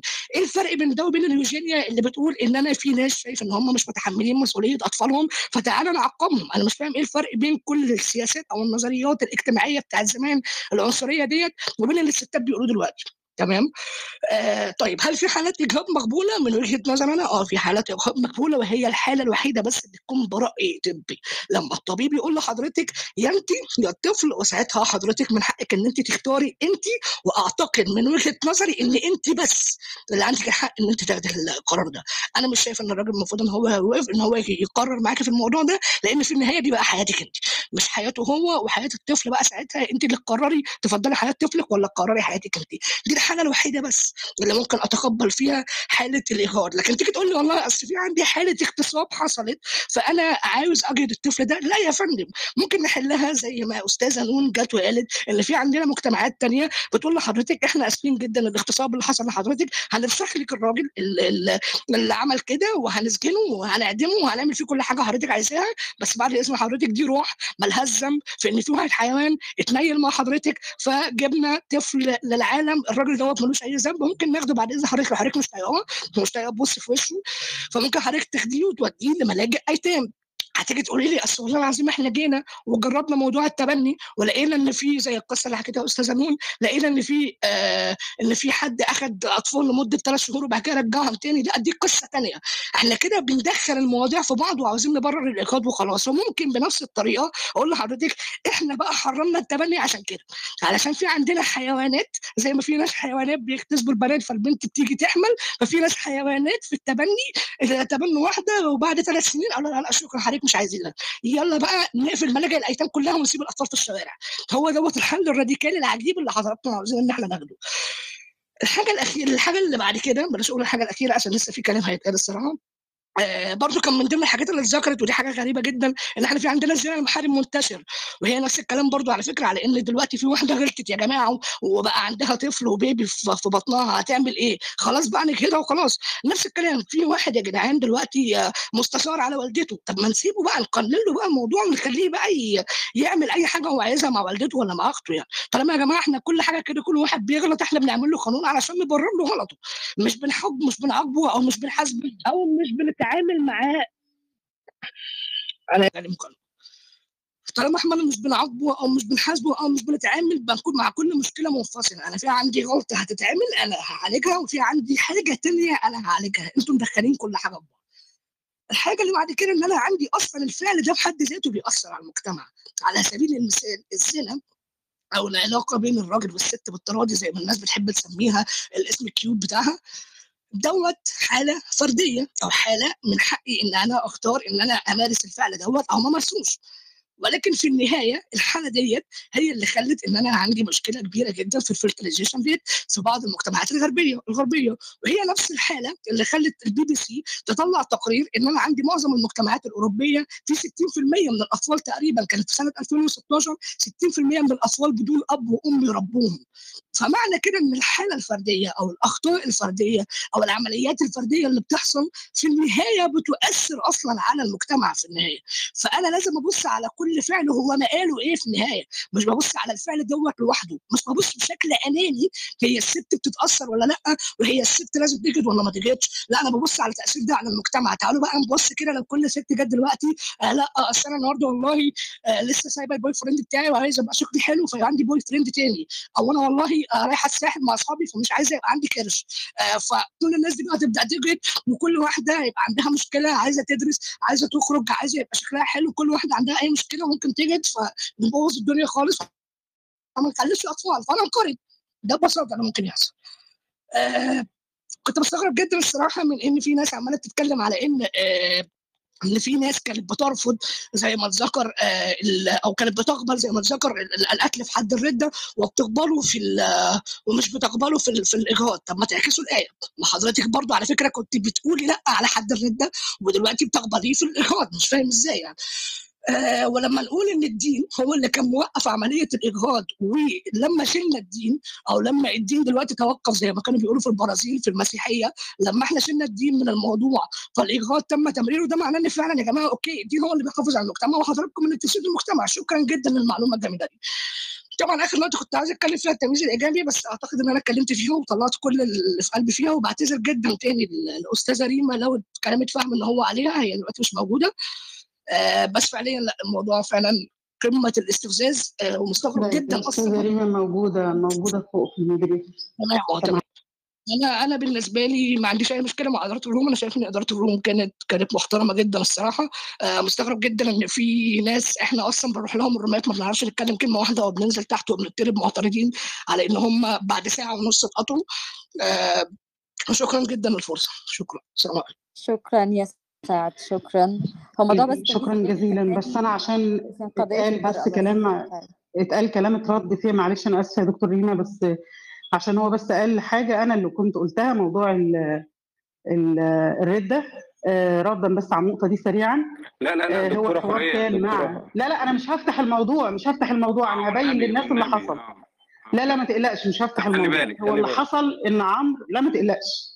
عمرو كان آه، قال بالنص كده آه، أنتوا متخيلين يا جماعة ان إحنا قاعدين نتكلم في أكل نفس واكل روح وأكل بني آدم؟ أنتوا متخيلين ان إحنا عمالين نتكلم في حاجة زي كده؟ فأنا رديت عليه قلت له يا عمرو انت متخيل ان انت أول امبارح أو من يومين كنت فاتح روم بتتكلم في نفس الموضوع في أكل ناس وبتاع؟ ده بالظبط اللي حصل. خلاص يعني أنا كان الموضوع بس مجرد إن أنا بستشهد على عمرو بنفس الجملة اللي هو قالها. مش أكتر لكن ما دخلناش في الموضوع ولا هندخل في موضوع حد رد عشان مش مش ده موضوع ال room النهارده. بس دي نقطة حبيت بس بس مش هعلق طبعا احتراما لل moderator عشان مش عايزين يفتحوا الموضوع. بس تمام اتفضل طيب. يا أستاذ احمد أنا في سؤال يا جماعة من فضلكم عايزه أسأله لو سمحتوا. اتفضلي يا جيم. آه، أستاذ سعد في وسط الكلام بتاعه بيقول إحنا ممكن نقول علشان كده الدين حرم ال- التبني عشان في ناس مش محترمة ممكن بعد ثلاث سنين آه، ترجع الطفل تاني لل- للملجأ فعشان كده نقفل الملاجئ كلها. فأنا الحقيقة ما فهمتش إيه العلاقة بين الملجأ وبين التبني. هو الملاجئ معمولة عشان الأط... ال... الناس تاخد الأطفال دي تتبناها ولا الملاجئ فكرتها في العموم إنها تاخد الأطفال اللي بلا مأوى وبلا عوائل وبلا آه، أسر تربيها وتأمن لها بيئة؟ فما فهمتش الربط خالص يعني. أنا بس يمكن يمكن لما قلتها قلتها بطريقة مش واضحة شوية. هي استاذه أستاذة نون كانت بتتكلم إن إحنا دلوقتي الحل اللي إحنا بنقوله في موضوع التبني ده لما جينا جربناه لقينا المصيبة دي بتاعت الشخص اللي اخذ طفلة وبعد ثلاث سنين راح سايبها. فأنت حضرتك برضو بنفس المنطق بتقولي لي أصل في ست دلوقتي آه، بعد ما حملت فهي إحنا لقينا آه، مصيبة مثلا الاغتصاب مثلا على سبيل المثال. بعد ما هي اغتصبت حملت فإحنا هنديها فرصة الايجاد أو بعد ما هي حملت شافت إن هي مش متحملة المسؤولية. طب ما هو بنفس المنطق. لما أنا بلاقي في عندي مشاكل في موضوع الحمل فأنا بعالجها بالايجاد ولما بلاقي عندي مشاكل برضو في موضوع معاملة الأيتام في ملاجئ الأيتام أو مشاكل في التبني طب ما خلاص يلا بقى شيل التبني خالص ويلا بقى شيل ملاجئ الأيتام. بغض النظر عن إن ده مش السبب أصلا اللي اتحرم عشان التبني بس زي ما بقول لك لو أنت في الآخر شايف إن الناس مثلا في السجن بتتعامل وحش خلاص ما تسجنش الناس. شايف إن الناس في ملاجئ الأيتام بيتعاملوا وحش خلاص ما تفتحش ملاجئ أيتام. شايف إن الجمعيات الخيرية بتسرق الناس اقفل كل الجمعيات الخيرية. شايف إن رئاسة الجمهورية بترقص غلط خلاص خلي الدولة من غير رئيس. فاهمة؟ ده اللي أنتوا بتعملوه ده الحل الراديكالي. اللي هو بتاخد بدل ما عاوز تعالج اقصى يسار رحت معالجه بأقصى اليمين.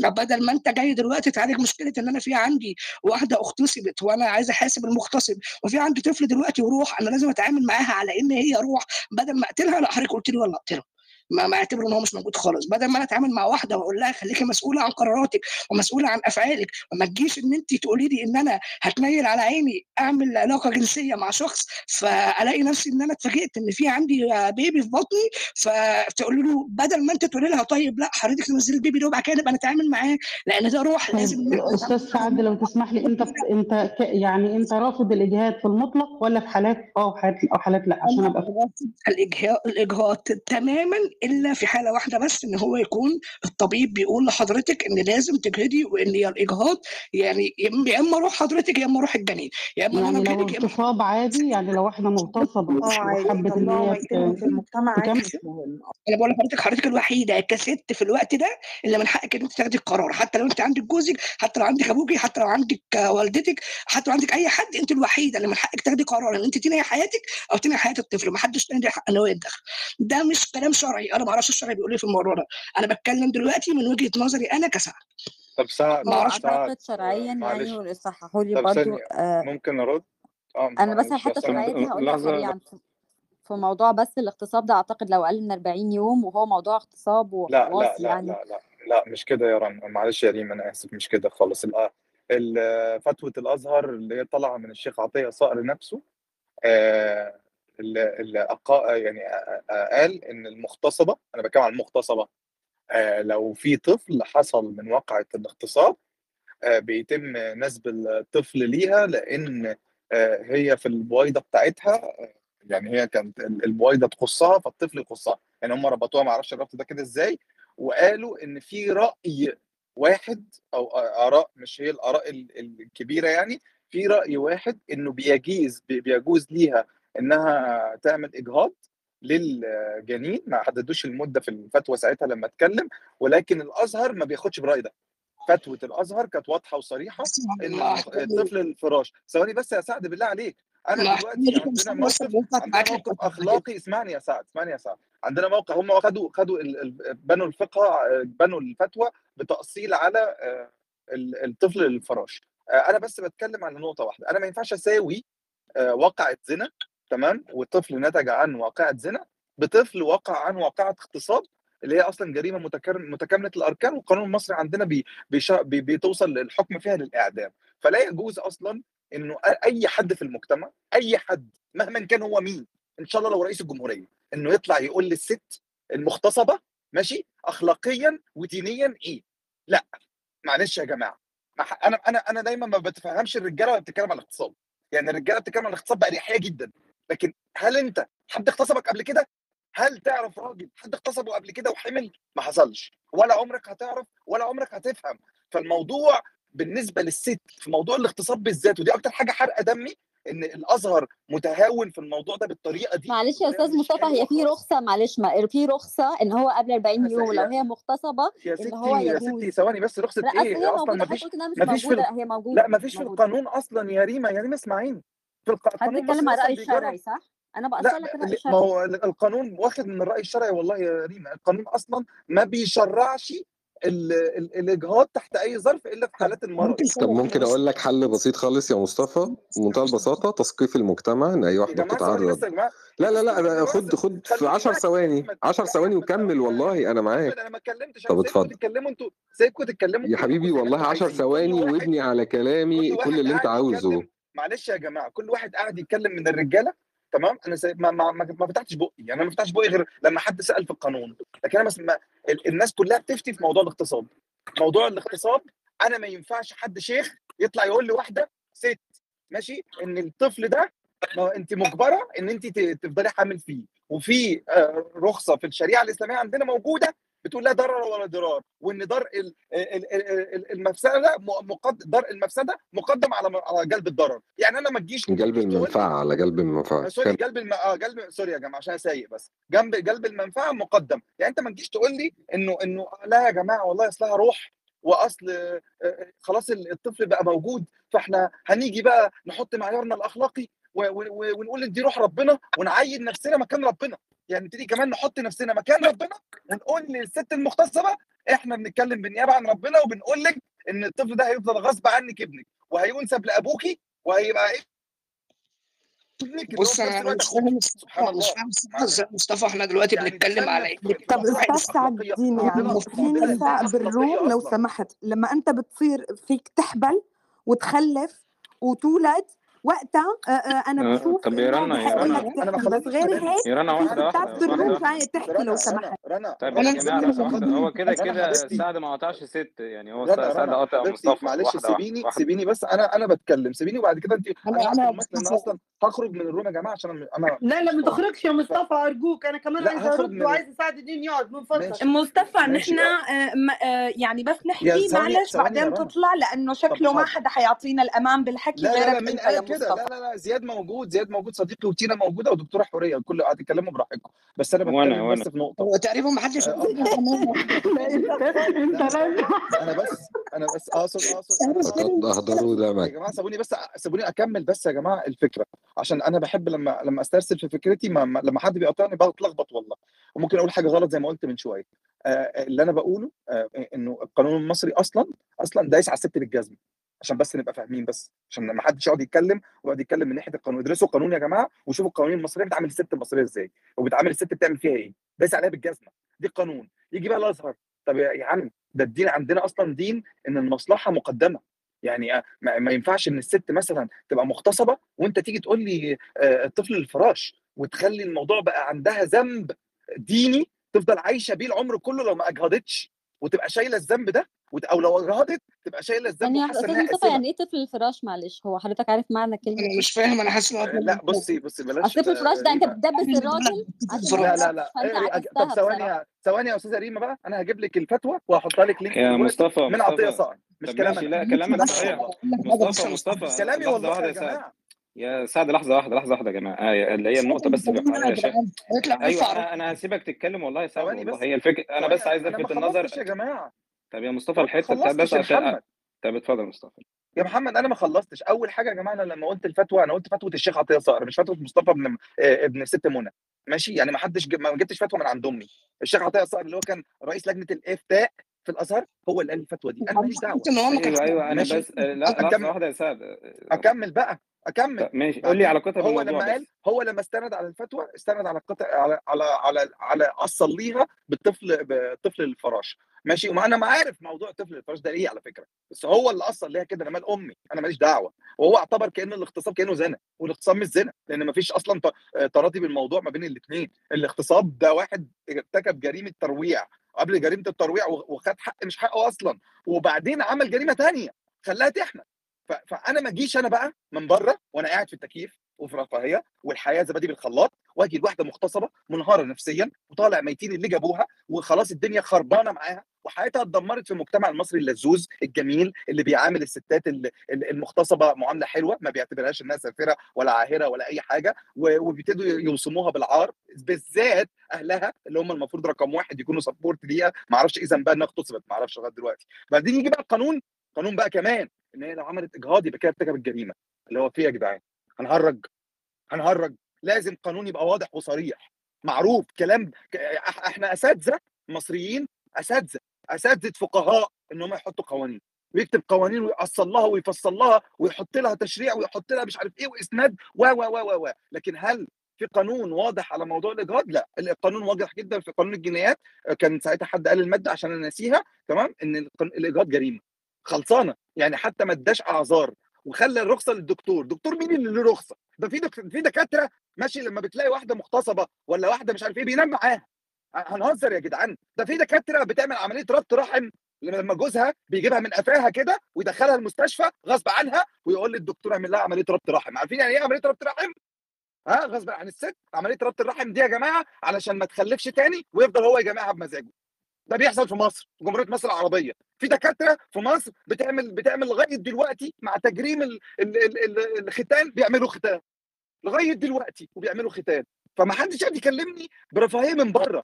أنتوا ما نزلتوش على الشارع المدني. أنتوا ما شفتوش حالات وقعدتوا معاهم بعينيكم. معظم الناس يقول لك أنا أعرف حد. أنا شفت حد. لا بقى إحنا نزلنا الشارع. إحنا نزلنا الشارع وشفنا ناس وشفنا حالات وقعدنا مع ناس. القانون في مصر ظالم وفاجر. قانون مش منصف. ومش منصف لا من ناحية دينية ولا من ناحية قانونية مدنية.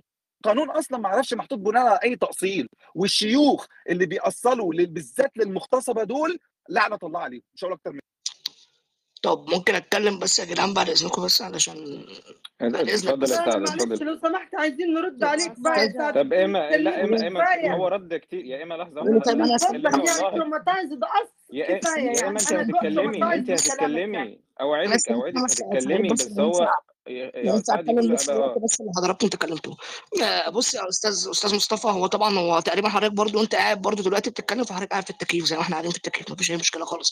بس هي الفكرة كلها في إيه؟ إن أنا بكره جدا أو إن أنا بتضايق امانه عن جد. بعد إذنك رنا بعد إذنك رنا بعد إذنك بعد إذنك. يا جماعة ما دام طلعنا يا جماعة نتكلم خلاص آه، وأنا يعني مش فاهم يبقى في كلام بيضايق واحدة واحدة. أبو نسمع بكر ونرد. عندي اقتراح. بدل ما سعد يرد عليهم واحد واحد ما كلهم يقولوا تعقيبهم على كلامه وهو يرد عليهم لا ما هو كده مش كده هتبقى please لا please لا لا. هي النقطة النقطة كلها آه please نرد كلنا وبعد كده ما كلهم لا ما إحنا مش يا جماعة يعني من فضلكم أيوه أيوه هتتكلمي يا ايمن أنا قلت أنا قلت لك بعد ما نخلص إحنا طب ماشي إحنا عايزين نتقابل. ما أنا أقول لك على حاجة يعني هو الراجل والله يا ايما يا ايما أيوه أنا صبرا بس. يا ايما يعني صبرا بس يعني آه، الاستاذ سعد يقول اللي عنده وبعد كده الأستاذ سعد صبرا بس يعني ممكن ممكن يكون سعد مثلا تم اساءه فهم هترد عليا براحتكم وبعد كده آه اتفضل. هتردوا عليا إن شاء الله وتفهموني وتقلموني عادي ما فيش مشكلة. الفكرة كلها إن أنا إن أنا يعني بتضايق جدا من فكرة إن أنا لما باجي أتكلم في موضوع معين وفي قصة معينة وقضية واحدة هي قضية الإجهاض أبص وألاقي اتفتح في وشي ختان تحرش اغتصاب مش عارف إيه ليه كل الكلام اللي بيتكلم فيه ده؟ وتيجي تقول لي لا أصل هو القانون المصري ظلم المرأة. طب يا سيدي ما ماشي ما أنا معاك. هو المجتمع المصري ظلم المرأة؟ آه طبعا آه. وفي عيوب جدا بتخدم من المراه في حاجات كتير جدا المرأة المفروض إن هي تنصف فيها. مين قال إن إحنا ضد الكلام ده؟ تقول لي ينزل المجتمع المدني يخش اتفرج يا سيدي ما أنا بتفرج. هو إحنا ما بنتفرجش هو إحنا ما نعرفش بنات وبيحكوا لنا وبيقولوا لنا المشاكل اللي بتحصل لهم. ما, ما عندناش أكونتات على الفيسبوك بنشوف الكوارث اللي بتحصل والمصايب اللي بتحصل. طب معلش هو حضراتكم معلش لما كانوا الناس بيتكلموا من كام يوم في الدولة العلمانية ومش عارف أصل إحنا دلوقتي عندنا مشكلة في الحريات يعني الحريات قد تتكلم فيهم انت عندك 60000 معتقل. ليه ما حدش بيتكلم في الكلام ده؟ هل بقى أنا دلوقتي أي حد يجي يكلمني في حريات وحرية الملحد وحرية المثلي والشواذ ومش عارفة إيه والكلام ده كله ما اسمه يا أستاذ سعد الدين اسمهم مثليين okay لو سمحت يعني الصوت ده يعني هجي لكم اللفظ اللي أنا عايزه okay ما فيش حد ليه الحق ان هو يرفض عليا دوت ما فيش حاجة قانونيه بتقول اللي أنا عايزه بس هو ده مش موضوعنا بس يا أستاذ عشان ما نعملش بس يا جماعة إيه يا جماعة الصوت بهدوء يا جماعة يا مصطفى يا مصطفى بعد اذنك لحظه يا مصطفى هستاذنك يا سعد يا سعد. آه، أنا عايز أنا مش عايز أخلص لك الليلة دي طالما يعني. قررنا يا سعد. لا لا أنا خلصت. أنا مش برد عليه أصلا. بس حاجة بسيطة. أنا بعرف أنا حاجة بسيطة جدا. زي ما أنا شفت. بعد إذنكم سيبوني اتكلم وبعد إذنك يا اصوات بس يعني معلش عارف مين نزلني وليش عم بتنزل أنا؟ طب أنا ليه بت آه، معلش عارف؟ رنا بس معلش. عارف مين اللي نزلني وليش أنا عم بتنزل أنا بعت لسه بعت لك يا رنا. أنا شفتك نزلتي بعت لك واحدة واحدة بس. بهدوء بهدوء. واحدة واحدة. طب ما هو أنا بقطع أنا بقطع يا سعد يا سعد حاجة حاجة سريعة. بتكلم يا فيه. يا مصطفى سيب يا مصطفى يا جماعة استقاطعوا يا جماعة اسمعوني بس هقول كلمة واقفل أنا يا سعد كان موجه لكلامك دورك. يا مصطفى. مش دورك مش مداخله يا اسمع عم بس اسمعني. حاجة آه، بسيطه يا عم اسمعني. يا معلش لحظه نظام. please please كل عشان نسمع بعض وحياة النبي يا عم اسمعني يا عم. please كل mute يا جماعة. لحظه نظام بس. هنتكلم والله كله هيتكلم بس please يا عم أنا مش عايز اتكلم يا جماعة أصلا. هنديك طيب،, طيب خلاص إحنا فهمنا والله كل mute please please طب لحظة. شكرا يا ريما بس لحظة واحدة. لما يا جماعة يبقى في يبقى في يعني مقاطعات هنخلي واحد بس هو اللي لما يقول. يا جماعة اسكتوا يسكتوا. إيه أنتوا تختاروه. ممكن ابو بكر أنا مش عايز مش مش هعرف بس عشان مش بس أبو بكر ما تدخلش في بعضها مش ابو بكر. ابو بكر أو دكتورة آه، حورية. أنتوا هتفتحوا الريز هاندز ولا لا؟ أنا بس عايز لحظة يا تينا بس أقول لك ماشي. حبيبي يا تينا شكرا. عشان بس يا جماعة ولما يجي يا جماعة على كلامي لأن أنا مش موجه لحد أصلا. طب لحظة يا مصطفى ممكن تسمعني عشان خاطر يا مصطفى. عشان بس في في بعد كده لما يحصل حاجة زي كده طبيعي إن إحنا بنتكلم أكيد في ممكن حد يقول كلمة تزعل التاني والتاني يعترض. ويا سعد طالما إحنا قاعدين مع بعض طالما حد بيزعل من كلمة المفروض ما نقولهاش. أنا ما عنديش مشكلة. اسمعني بس يا سعد يا سعد اسمعني بس أقول لك حاجة بسيطة.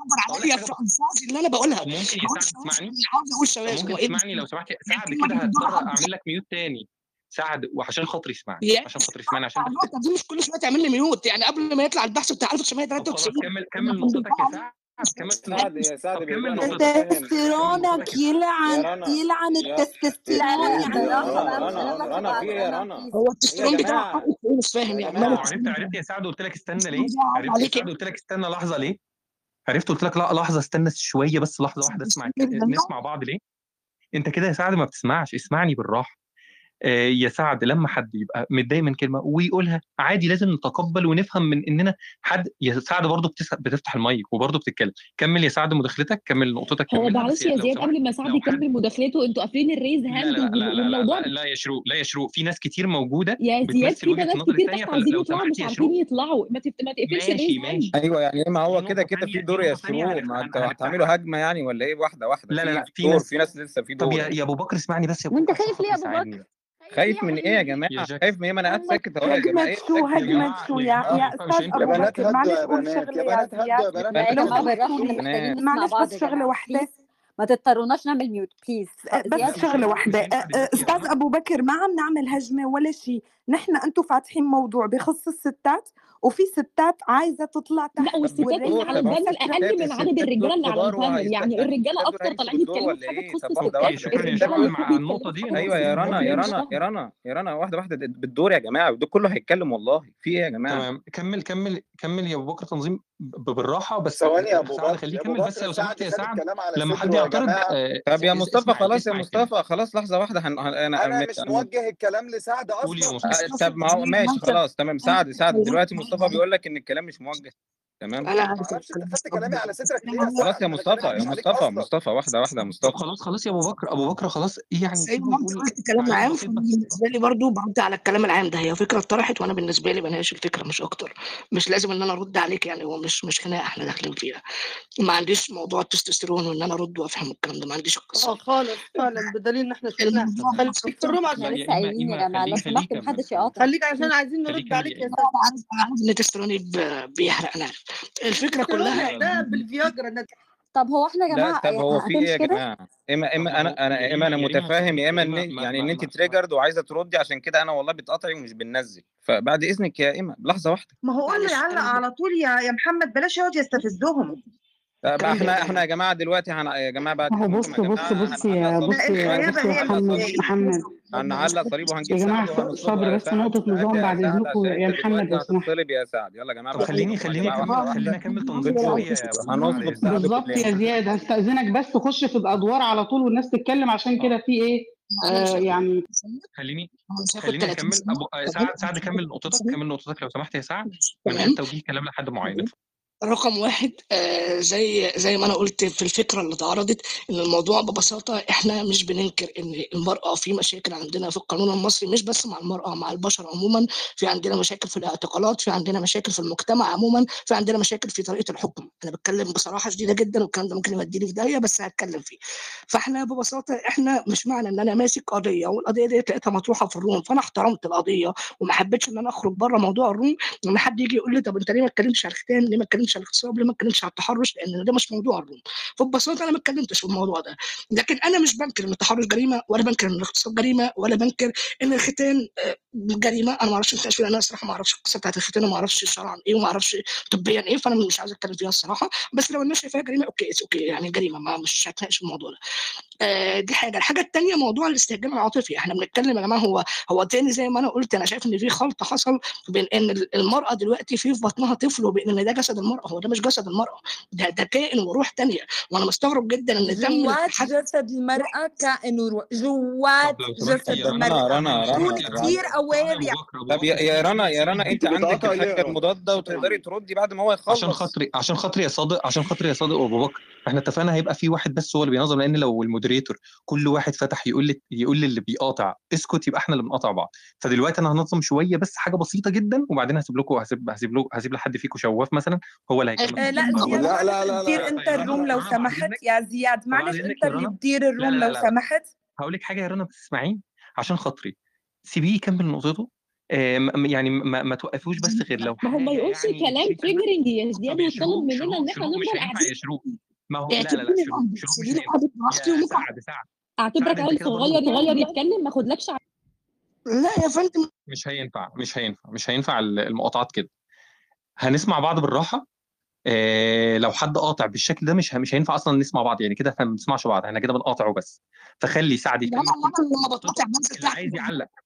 أنت يا سعد أنت يا سعد طالع عشان تقاطع ما ينفعش كده يا سعد. قاطع إيه ده دوري. آه، طب ما أنا ما أنا ما أنا بقاطعك أنا اللي بقاطعك يا سعد فاسمعني أنت كده بتقاطعني. خمس ساعات أنا اللي بتقاطع ما أنا أنا هدي هتتكلم بس أنت كده بتقاطع برضه.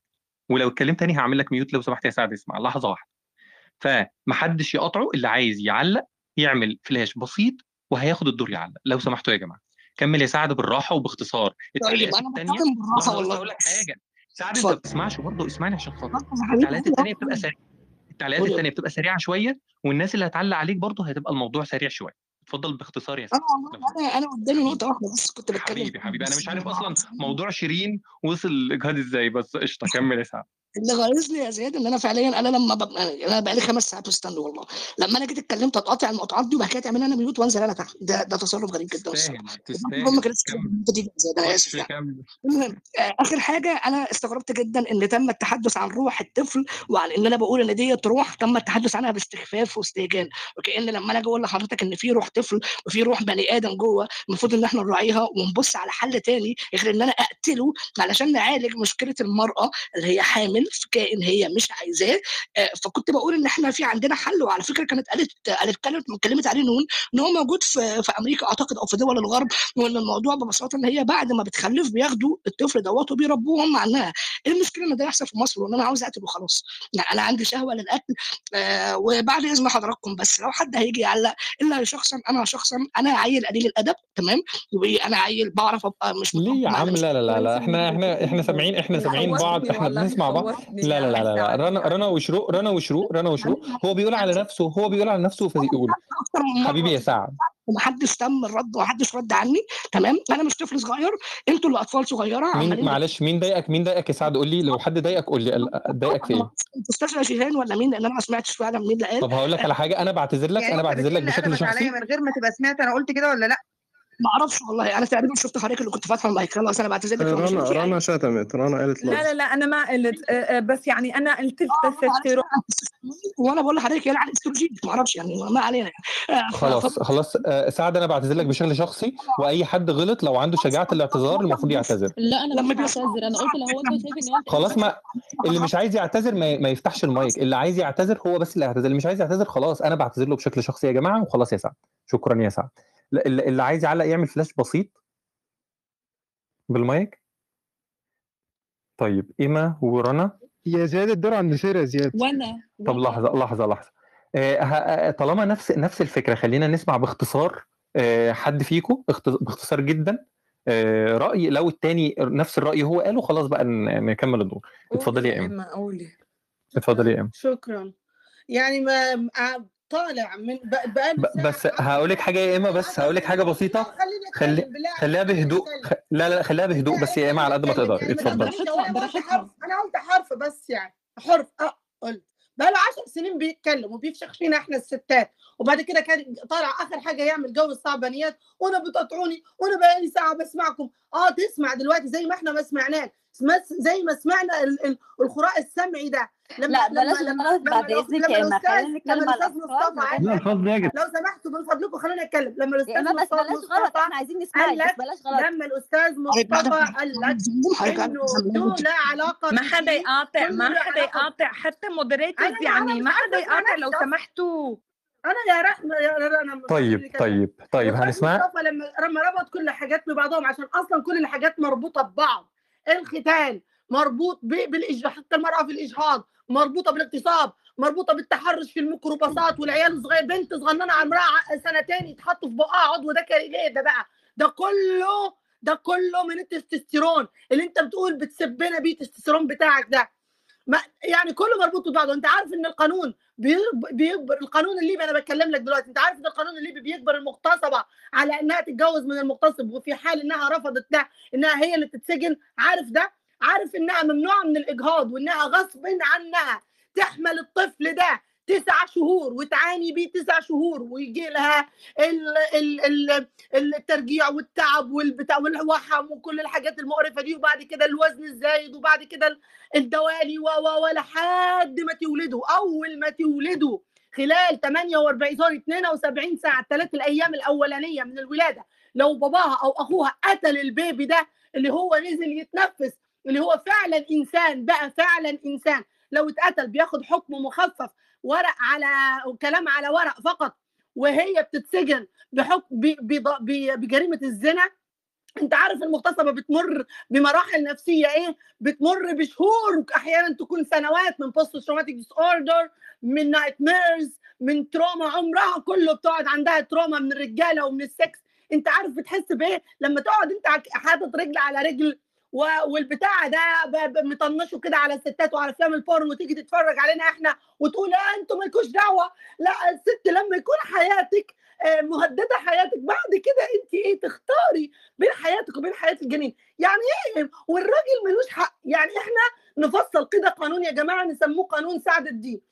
ونمشي عليه كلنا عشان السيد سعد الدين ده يعني يرضى على الستات فشخ بقى. سعد الدين إخرس. أنا بقول لك اخرس انت مالكش دعوة. يا زياد. لما طب يطلع إيه يا عندك جدعان؟ ده يا جدعان؟ ركزي في الفكرة يا جدعان؟ ده الحب ده يا جدعان. عشان هي معلش هي محروقة بس وهي حابة تطلع؟ حاجتها يا سعد يا سعد انت ما تعرفش حاجة يا سعد. يا سعد دي traumatized يا سعد.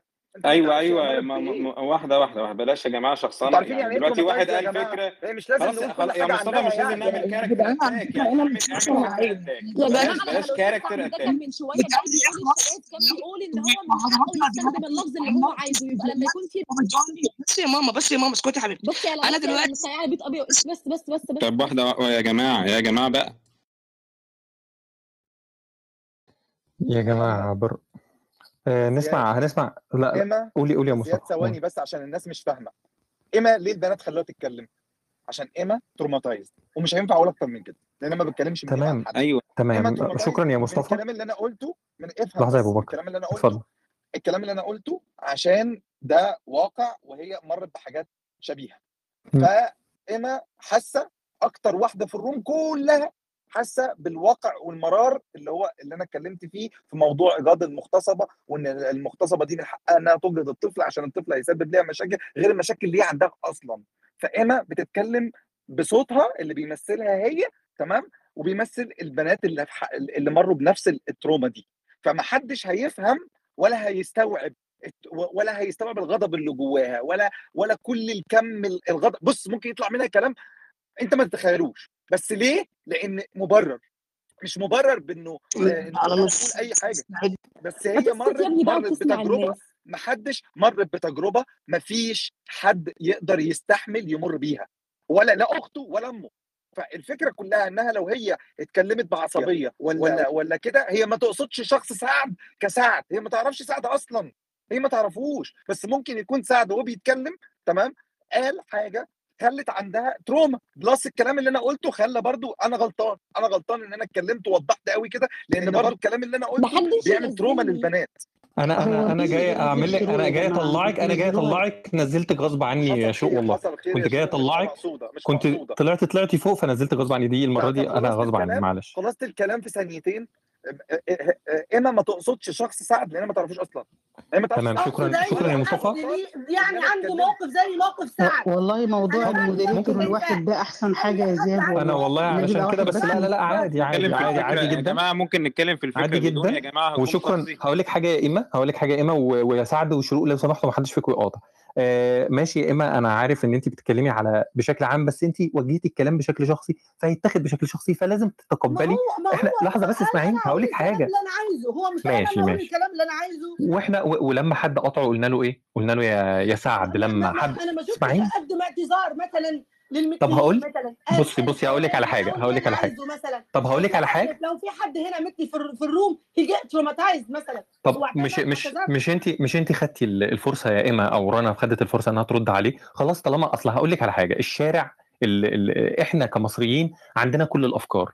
فلو فكرنا إن إحنا عايزين نعمل حدود ورولز كده ومحدش يقول الحاجات دي في أي مكان بس بصراحة ال ال الوضع مش هينفع. لكن لازم انفسنا اسمعيني بس اسمعيني. من الرومات بتاعتنا. عندك حق عندك حق بس اسمعيني بس اسمعيني. لو عملنا إحنا rules كده بان آه، يا سعد ما تعملش الفلاش بي آه، عرفت إنك عايز تعلق.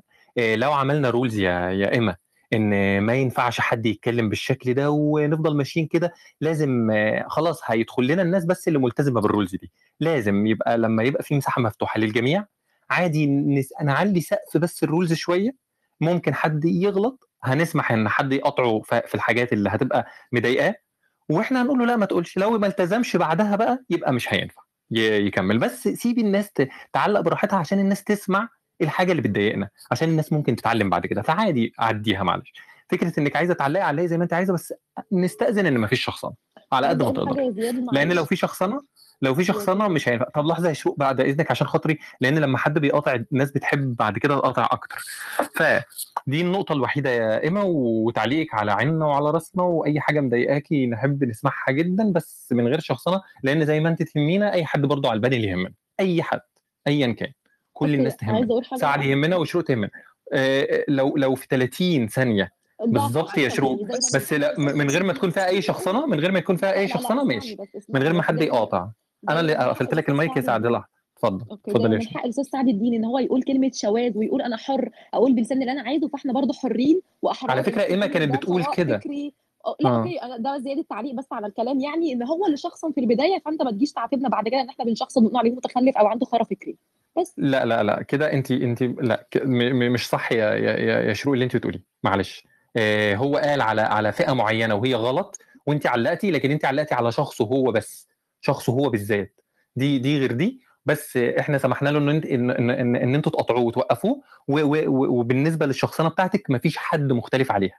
إنما الفك الكلمة اللي هو قالها في فئة من الناس شايفة إنها ممكن تقول كده فسيبيه يقولها عشان انت تقاطعيه وت- وت- وتصلحيها. بس بكل بساطة. و- وإحنا بنسمح كلمه في في لو في ثلاث 30 لو في ثواني 20 بس ثانية. آه قولي. كلمه بس أنا اتفضل يا أم. أقترح على أي حد. ما ما بشخصنش أهو. أهو ما اتفضل. ماشي. أهو. ما زي بشخصنش. الفل ممكن أقترح على أي حد حابب يتكلم في ضحايا الاغتصاب ضحايا التحرش. هو بقول ضحايا ها؟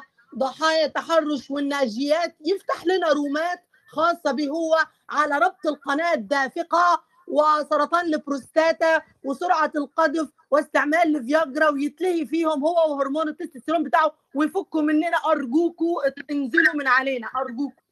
شكرا يا ايما ولو حد برضه عايز ي- يعلق أي تعليق عام ممكن نسمعه بيعلق تعليق عام من غير ما يفتح المايك من غير ما حد في يفتح المايك. حد لا يا سعد لا يا سعد. block لجيهان ما تفتحش المايك. آه، ما هديك هديك المايك بس من غير ما تفتح المايك يا, يا سعد. أنت كده اللي بتفتح المايك عليا. أنت كده بتقاطعني يا سعد. وشروق لما قطعتني نزلتها على طول فمش هينفع كده. عشان الدنيا وصلت لإن في مقاطعات فخلينا نسمع بعض. اللي هيقاطع هينزل على طول على ما يا الدنيا تظبط شوية. دكتور آه دكتور جيهان بعتلي بتقول إن في حد في حد عامل لها block فهي مش عارفة تدخل ال room. أنا حطيت أنا حطيت ال account بتاعها فوق دلوقتي. لو يا جماعة اللي عامل block لدكتورة جيهان ال account بتاعها فوق يشيل ال block أو ينزل لحظة وبعدين يطلع تاني. آه، سعد لو عندك تعليق في 20 ثانية بالظبط 20 ثانية بس اتفضل. آه، زياد أنا آسفة معلش أقول شغلة إنه هو سعد ليش لازم يعلق بعد كل تعليق 20 لا ما ثانية هو ولا ما هو 30 ثانية؟ ما هو التعليقات التعليقات لما هتصغر هتصغر يا يا رنا يعني 20 ثانية بس أو 10 ثواني غير المرة اللي فاتت كان دقيقة وفي دقيقة دلوقتي 10 ثواني على السريع وهن ولو حد تاني 10 ثواني ويبقى الموضوع اتقفل. 10 ثواني 20 ثانية يا سعد اتفضل. ال 20 ثانية بالظبط. هو دكتور إيما أو أستاذة إيما لما جيت اتكلمت واتكلمت ببساطة على إن في اغتصاب وفي تحرش وفي ختان يا فندم طب قول قول من غير أسماء خالص يا سعد عشان ما يبقاش حد مضطر يرد. قول فكرة لما حد اتكلم على كذا بس بشكل عام. شكرا يا سعد إحنا ما عندناش اي مشكلة مع الحاجات دي. وبنقول إن هي مشاكل وبنقول إن البنات دول- إن دي جريمة وإن لازم يتحاسبوا عليها. وبنقول إن في عندنا مشاكل في القانون المصري. وقلنا مش بس مشاكل خاصة بالمرأة هي مشاكل خاصة بالإنسان ذات نفسه. هو أنتوا يا جدعان مش شايفين الحكم في مصر عامل إزاي؟ معلش يعني أنتوا شايفين الكوارث اللي عندنا عاملة what إزاي؟ what aboutism? What about يا جماعة ممكن أتكلم بعد إذنك يا أستاذة رنا لو سمحت لو سمحت يعني. فهي القصة كلها إن إحنا باختصار يا سعد ال- ال- الفكرة دي وضحت. في حاجة تانية؟ فاللي أنا كنت بقوله بس مصطفى وأنا عرضت ليه وقلت ليه الكلام ده؟ لأن هو حسيت إن الموضوع خلط الحابل بالنابل إحنا مش عشان إحنا بنتكلم في الارتباط فإحنا متفقين مع الاغتصاب لا دي مالهاش علاقة بدي خالص. الحاجة الثانية يعني أنا آسف في الكلمة يعني يا جدعان ال أنا- 20 لا لا لا لا خلاص. لا لحظة لحظة رنا رنا مش انت مش انت اللي هتقولي له مش انت اللي تقطعيه يا رنا بعد إذنك بعد إذنك. ماشي شكرا جدا يا سعد شكرا جدا يا سعد. لو دكتورة حورية لو عايزة تعلقي تعليق سريع يا دكتورة حورية يا ريت أسمع منك تعليق في بالنسبة 20 لأن 30 جيهان مش ثانية. عارفة تدخل إيه يعني يا زياد مش فاهمة. حاضر. طب يعني ما مش عارفة تدخل آه، إيه جيهان في حد عامل لها block يا, يا جماعة؟ اللي عامل يا block ما إحنا قلنا اللي عامل اللي عامل block لجيهان يشيله يا جماعة فنزل الرجالة اللي موجودين على ال panel عاملين لها block عشان هي تعرف طب ما تدخل ننزل الستات ممكن حد من الستات عامل لها block برضه يعني في واحدة ست هتعمل واحدة ست زيها block آه، جندر 3 موضوع دي على طول كل حاجة كده هو يعني هو اقتراح يعني مني يا زياد اللي يخلص مداخلته وينزل تحت ويعني والله أنا أنا يعني رايي كده ده أنا رايي كده برضو صح آه صح آه أنا أنا معاكي جدا مداخلته ينزل نفضي الدنيا شوية تمام. ماشي. أنا أنا بس هعلق سريعا جدا عشان ما نبقاش مجرد استمرار للموضوع. في في, في أحيانا لما بنيجي بالاختصار نعبر زي ما. زي ما بنعلق يا 20 دكتوره ثانية في 20 ثانية. حبيبي قشطة. أحيانا لما بنيجي نعبر عن رأينا في موضوع معين بنستخدم ألفاظ ومصطلحات بتكون مستفزة جدا. ممكن رأيك وعلى فكرة اللي أنت بتقوله ممكن يبقى عادي.